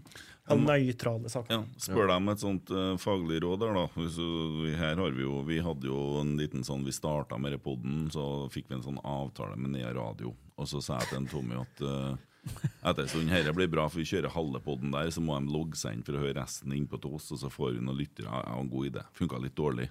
Så jeg, vi må sørge for at vi blir banna på radio. Da, Da blir det bra. Vi må dra så langt at de ikke kan sende det. Jo da, eh, med litt eh, humor rundt uh, Arnfinn Jesse og litt sånne ting, så, så gikk det for langt for deres smak, så de avbrøt det samarbeidet, og der begynte det å komme. Og så sier jeg at eh, jeg tror vi må gå litt lenger nå, gutta. Hva om vi provoserer adressa litt og ja, drar på litt hardt? Så mye at de begynner å snakke om oss, kanskje skrive om oss og sånne ting. Nå er vi her. Og det funka. Eh, hva, hva bør vi gjøre nå? Nei, jeg skal ikke gi dere noe råd om det. Men Ja, eh, det, et tror, jeg- lite tips. det tror jeg kan godt sjøl. Ja, akkurat. Men å problematisere saker og drive kritisk journalistikk, det har jeg trua på. Ja, du har det. ja. Så vi bør ha en sånn Din rolle her er jo litt sånn Otto Ulseth, sant? Nei, jeg er mer, nei, ikke Otto Ulseth. Du er en sånn kloning av en. Krogsæter og Nullseth, du. Nei, da er mer på mer, lik, Da er jeg mye mer like Birger, i hvert fall. Ja. Mm. Oh, ja. Du, det, så din jobb er å være blodfallig? Ja, det, ja gjerne det. Ja. Hvis, eh, for jeg er enig, som jeg sa tidligere òg, da du ikke var her, så har jeg vært veldig enig i mye av den kritiske journalistikken. Det altså, I den grad man ønsker seg mer gladsaker, så kan du jo si at det er mer de sånn hverdagslige klikksakene fra trening, f.eks. Når det går på klubbdrift, organisering, altså hvordan, den, eh, hvordan Rosenborg, eh, hele maskineriet blir drevet. Der vil jeg ha så kritiske øyne som mulig. For der er det tydelig at når man eh, sovner av der, så får det store konsekvenser. Ja. Det, Og så ser det ut som man holder på å våkne litt igjen nå. ja.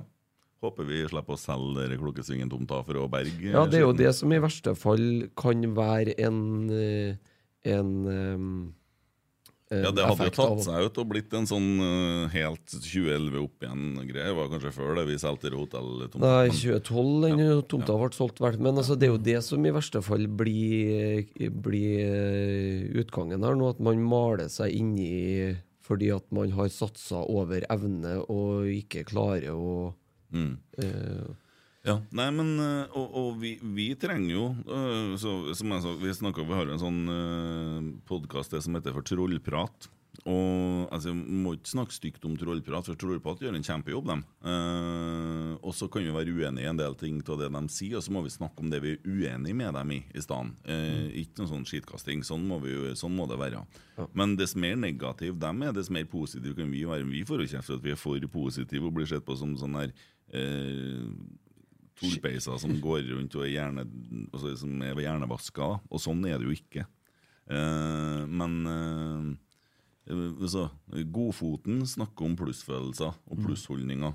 Og nå sitter vi her og er litt sånn sm var, var vi litt småbetuta etter en 2-1-seier? Nei, vi var jo egentlig ikke det. det, var, det men det var men mer lettelse enn glede i dag, da. Skulle faktisk akkurat å si altså, den, Det jubelbrølet jeg slapp ut etter uh, dommeren blåste, det var at uh, lettelsens eh, etter en seier, fordi at vi gjør det så unødvendig spennende for oss sjøl. Fordi at den kampen her kunne vært drept etter 25 minutter. Mm. Da kunne vi, den kampen egentlig på en måte vært ferdig. Jo, men det jeg vet, da, og det vet sikkert du, det er jo at vi har en trener og et trenerteam som er enig med oss, og som sier det samme. Hvis, hvis vi hadde snakka med Kjetil nå, så hadde han sikkert vært forbanna på masse ting i dag. Og så er han helt åpen og transparent på det. Det er ikke noe innpakking og dulling. Han skal ha det. Ja, ja, den holdninga til Som jeg nevnte tidligere her, et av mine store forbilder på 90-tallet var Kjetil Rekdal. Og nettopp holdninga hans er årsak til det. Eh, Der var det en som eh, ikke var så slo seg til ro med å være fornøyd. Og det er jo, jeg er jo veldig sans for sånne typer, da, som virkelig vil noe, og som er villig til å ofre det som skal til for å nå målene sine. Jeg var- det syns jeg er spent. Jeg har ett spørsmål, et siste egentlig fra meg, i hvert fall for i dag. Venter jeg så lenge. Ja, eh, og det er hvordan eh, Altså, du fikk jo tilgang til veldig mange når du skrev den boka di, um, og har jo vært tett på Rosenborg. Altså, hvordan opplever du åpenheten i klubben nå? For det var jo en periode det var snakk om at nå lukker man klubben, på en måte. Og nå er det mer Føler du det er mer åpent igjen nå enn det har vært? Ja, for, eh, I og med at jeg ikke har tenkt så mye på det, så er det sikkert ikke eh, noe veldig problem heller. Eh, så eh, min opplevelse de siste åra er at det har vært ganske bra. Jeg får, får snakke med dem jeg vil, og hører ikke egentlig ikke så mye sånn minussider på det. Altså, er litt spent. Eh, der tror jeg f.eks. Tommy Dyrhaug er viktig, eller har vært viktig, da. Eh, I eh, kan som sitter i ledende posisjoner her, har jo mye å si om de skjønner, eh, skjønner rollene våre. Eksempel skjønner at dere har en rolle, skjønner at oss har en rolle, og hva, hva som er smart å gjøre. Og det kan jo fort endre seg. Og det med å ønske eh, kritikk, ønske litt ekle, ubehagelige spørsmål, kontra å eh, ga rett i forsvar, det henger jo litt i hop med det. det så liksom, hva er åpenhet? Men eh, der tror jeg hun er verdt å trekke fram. Og så er jeg spent på hva som skjer nå, for at det er jo veldig store endringer i klubben. Ikke bare at det er fusjon, men det er store sånn, endringer på toppen nå. Mm. eh, og, og akkurat det er jo det der med liv og lære er jo noe jeg er veldig opptatt av da, når jeg kommenterer. Og i og med at Rosenborg er så opptatt av sine verdier, opptatt av hva de skal stå for, så har de et større ansvar enn dem som gis ut for å gi blaffen. Da, da kan en helt ta dem på at de ikke er bevisst på det. Men Rosenborg som er så opptatt av å, av å ha iallfall vært og ga ut med det, de, de må etterleve det. Men er, er journalister veldig hårsåre, eller? For vi hadde 124 podder, vi vi hadde terningkast til spillere, og Viggo han har jo fått minus, minus seks og sånn noen ganger, men det er ingen som har klaga på oss. Men vi ga dere én gang, og vi kom i avisa to ganger. Men det er der, da. Der, eh, det var vel aldri den eh, terningkastet jeg har sagt noe om. Nei, nei. Det, nei. det, var, det var fint. Men, ja, for det har vært herlig. Men i og med Ja, at men du er jo en ener. Du er, det er så negativt at det, det Unnskyld, kritisk. Men, men, nei, altså, men, eh, men det har vært herlig at det har, verden har blitt sånn at det har kommet masse masse personer som ikke kom inn på Journalisthøgskolen, som skal sitte og bedømme alt dere gjør hver bidige dag, med kommentarer og terningkast etterpå. Dæven, det skulle ha vært huskestue. For det, og det, er det er jobben til Rosenborg-spillerne, og Kjetil og Jørgen og Eirik og hvem de nå er. de- Det er jo et yrke der òg. Og så sitter noen og mener noe hver eneste dag. Og så er det snakk om at man da skal være kritisk. Og jeg forstår det fortsatt ikke. Jeg Altså- gjør ikke. hvorfor vi skal være kritiske. Ja, for at det blir for mye. Ja.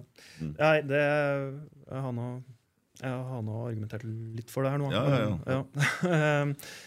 og så er det jo sånn at det er det som bidrar til at interessen er så stor. Da. At, eh, tenk på å få gå på jobb hver dag, og det er så mange som er interessert i hva du gjør. Og det er til og med folk i aviser som skriver eh, akkurat hvordan du gjorde det den dagen. Jeg, eh, liksom kan se fra den sida òg. Det bør være en bra trigger da, når du går Og- på jobb. Ja, og så er det jo veldig mange av dem som har godt betalt òg, og de har ikke hatt så godt betalt hvis ingen har brydd seg. Så Nei. det henger, ihop, det henger sammen ganske mye. Ja.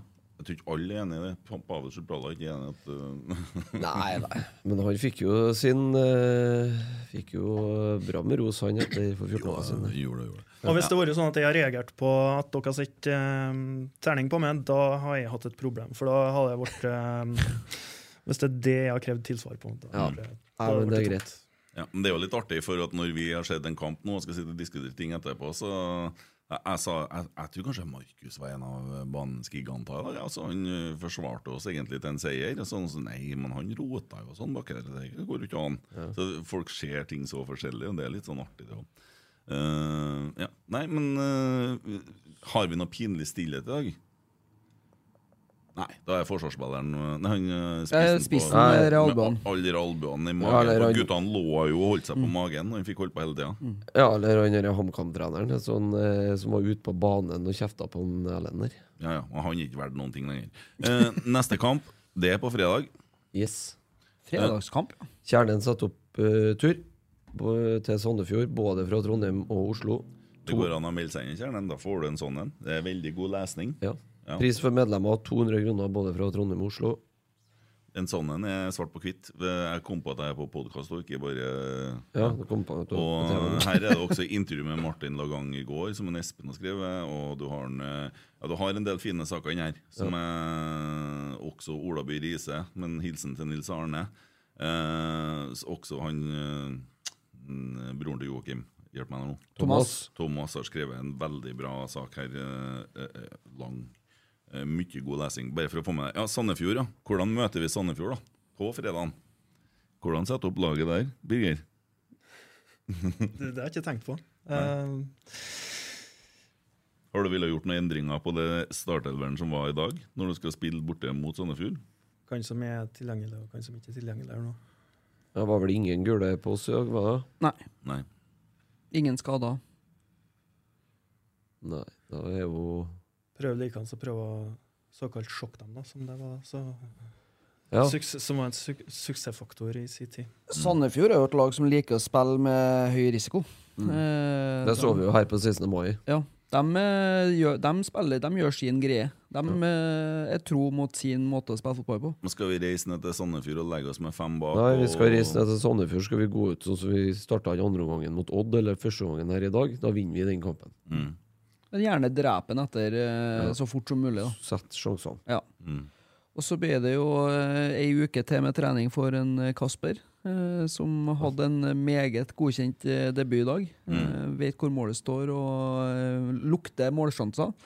Og det kan jo være Ja, det må være over all forventning, da. Tre, Ja. tre dager han har øh, vært der, Mm. og så leverer det der.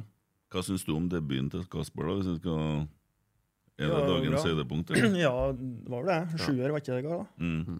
Sju, sterk sjuer, faktisk. Ja, sju Ja, altså, han, Ja. var, han var stor i dag, han. Så får vi håpe han fortsetter. Det er nå det. Det, har, det er jo dem som har glemt det til. Og så har det, for, for, ja, det er, det er fint det skjer i kveld, og det er fint det kommer nye og sånn. Og så har jo trenden vært de siste åra liksom, hvor, hvor mange av dem som er henta til Rosenborg, utvikla seg virkelig her. Sakariassen gjorde det, men hvor Ja. mange liksom Jeg har jo igjen ville ha hatt den lista. Men han, han, han er vel kanskje den eneste, øh, hvis du skal kalle noe for en rollespiller, så var jo han den perfekte indreløperen. ja, det er Der var kanskje, han rollespiller. det var kanskje der det Du har ikke kjøpt så mye rollespillere. Nei, det er litt årsaker, da. Ja. Eh, når, når så mange blomstrer i en klubb dere vil, ikke vil ha så mye snakk om, så altså, de kommer Ja. dit, og så blomstrer de. Og så eh, skjer egentlig det motsatte her. Det kan jo handle noe om den røde tråden eller mangelen på det. da. Absolutt. det, er jo ikke altså, det der, der luftslottet oppe her som han, det, Du vet altså De er jo som en uteligger som har vunnet Eurolotto, og så vet de ikke helt hvordan de skal styre det. Der, der tenkte jeg å være journalist oppi der, da. Du hadde fråtsa i galskap. Der er det mye fyll og rør og dårlig drift og nei, det der kommer det, det, Ja, nå renner men- jo millionene inn, ja, men, ja, øh, men, jo, jo, men de, de drikker jo opp en gang. ja, men det er jo Ja, og så og så har du jo det andre laget som vi kaller for eh, pappa, pappagutten, eh, Ja. som sitter uti der. Men um, Nei, eh, det er en eh, bra kommentar på en Tengstedt i dag, da. Eh, en som heter Ivar Årvåg Aarvåg Larsen, skrev på Twitter at eh, det vent, vent, vent, vent, vent!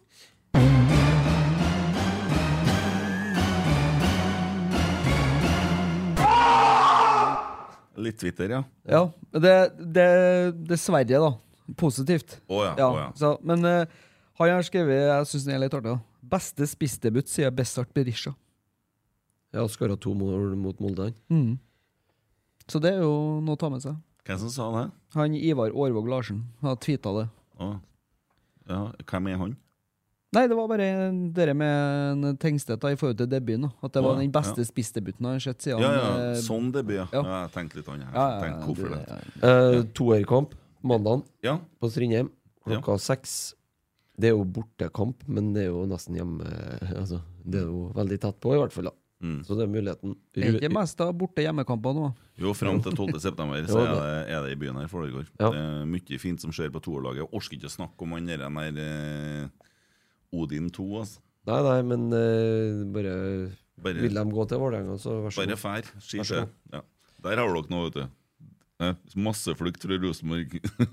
Ja, vi har vært borti det.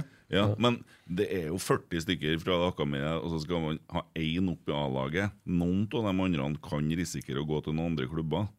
Og jeg tenker, det er jo ikke noe sånn det der, der mm, Å dra altså, ned til Lillestrøm og sitte i lag med Pål André i tre døgn og sånn eh, Det er jo Rosemorg, tidligere Rosenborg-spillere overalt. Nå er det snart de 65% av klubbene. Det er jo ikke noe, Ja. det er jo ikke noe sensasjon, det. Nei, jeg håper jo Jeg håper jo bare at Rosenborg gir seg så attraktiv og så god at det er den helt opplagte plassen å være for de beste trønderske talentene. Altså kan jo være noen unntak, eh, naturligvis, men òg for, de- for de største trønderske talentene, men òg for de beste norske spillerne som vil videre.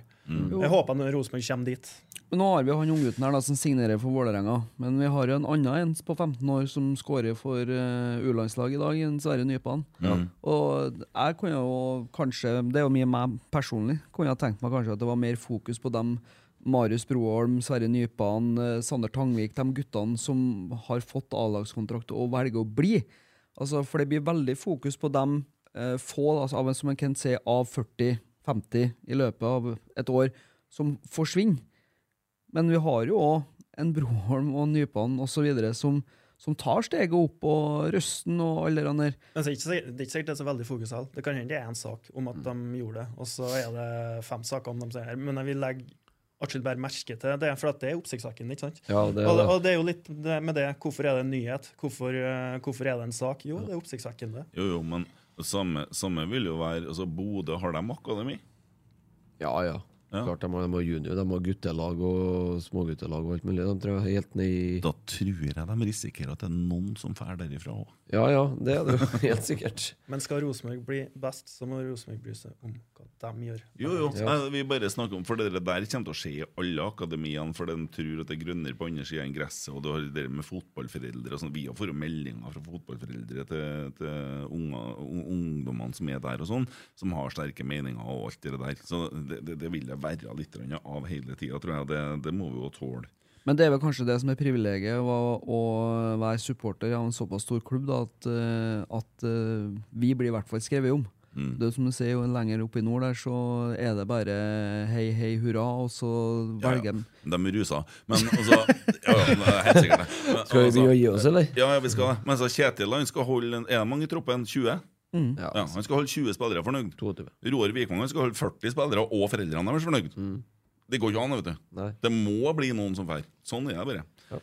Eh, noe annet du vil ha med?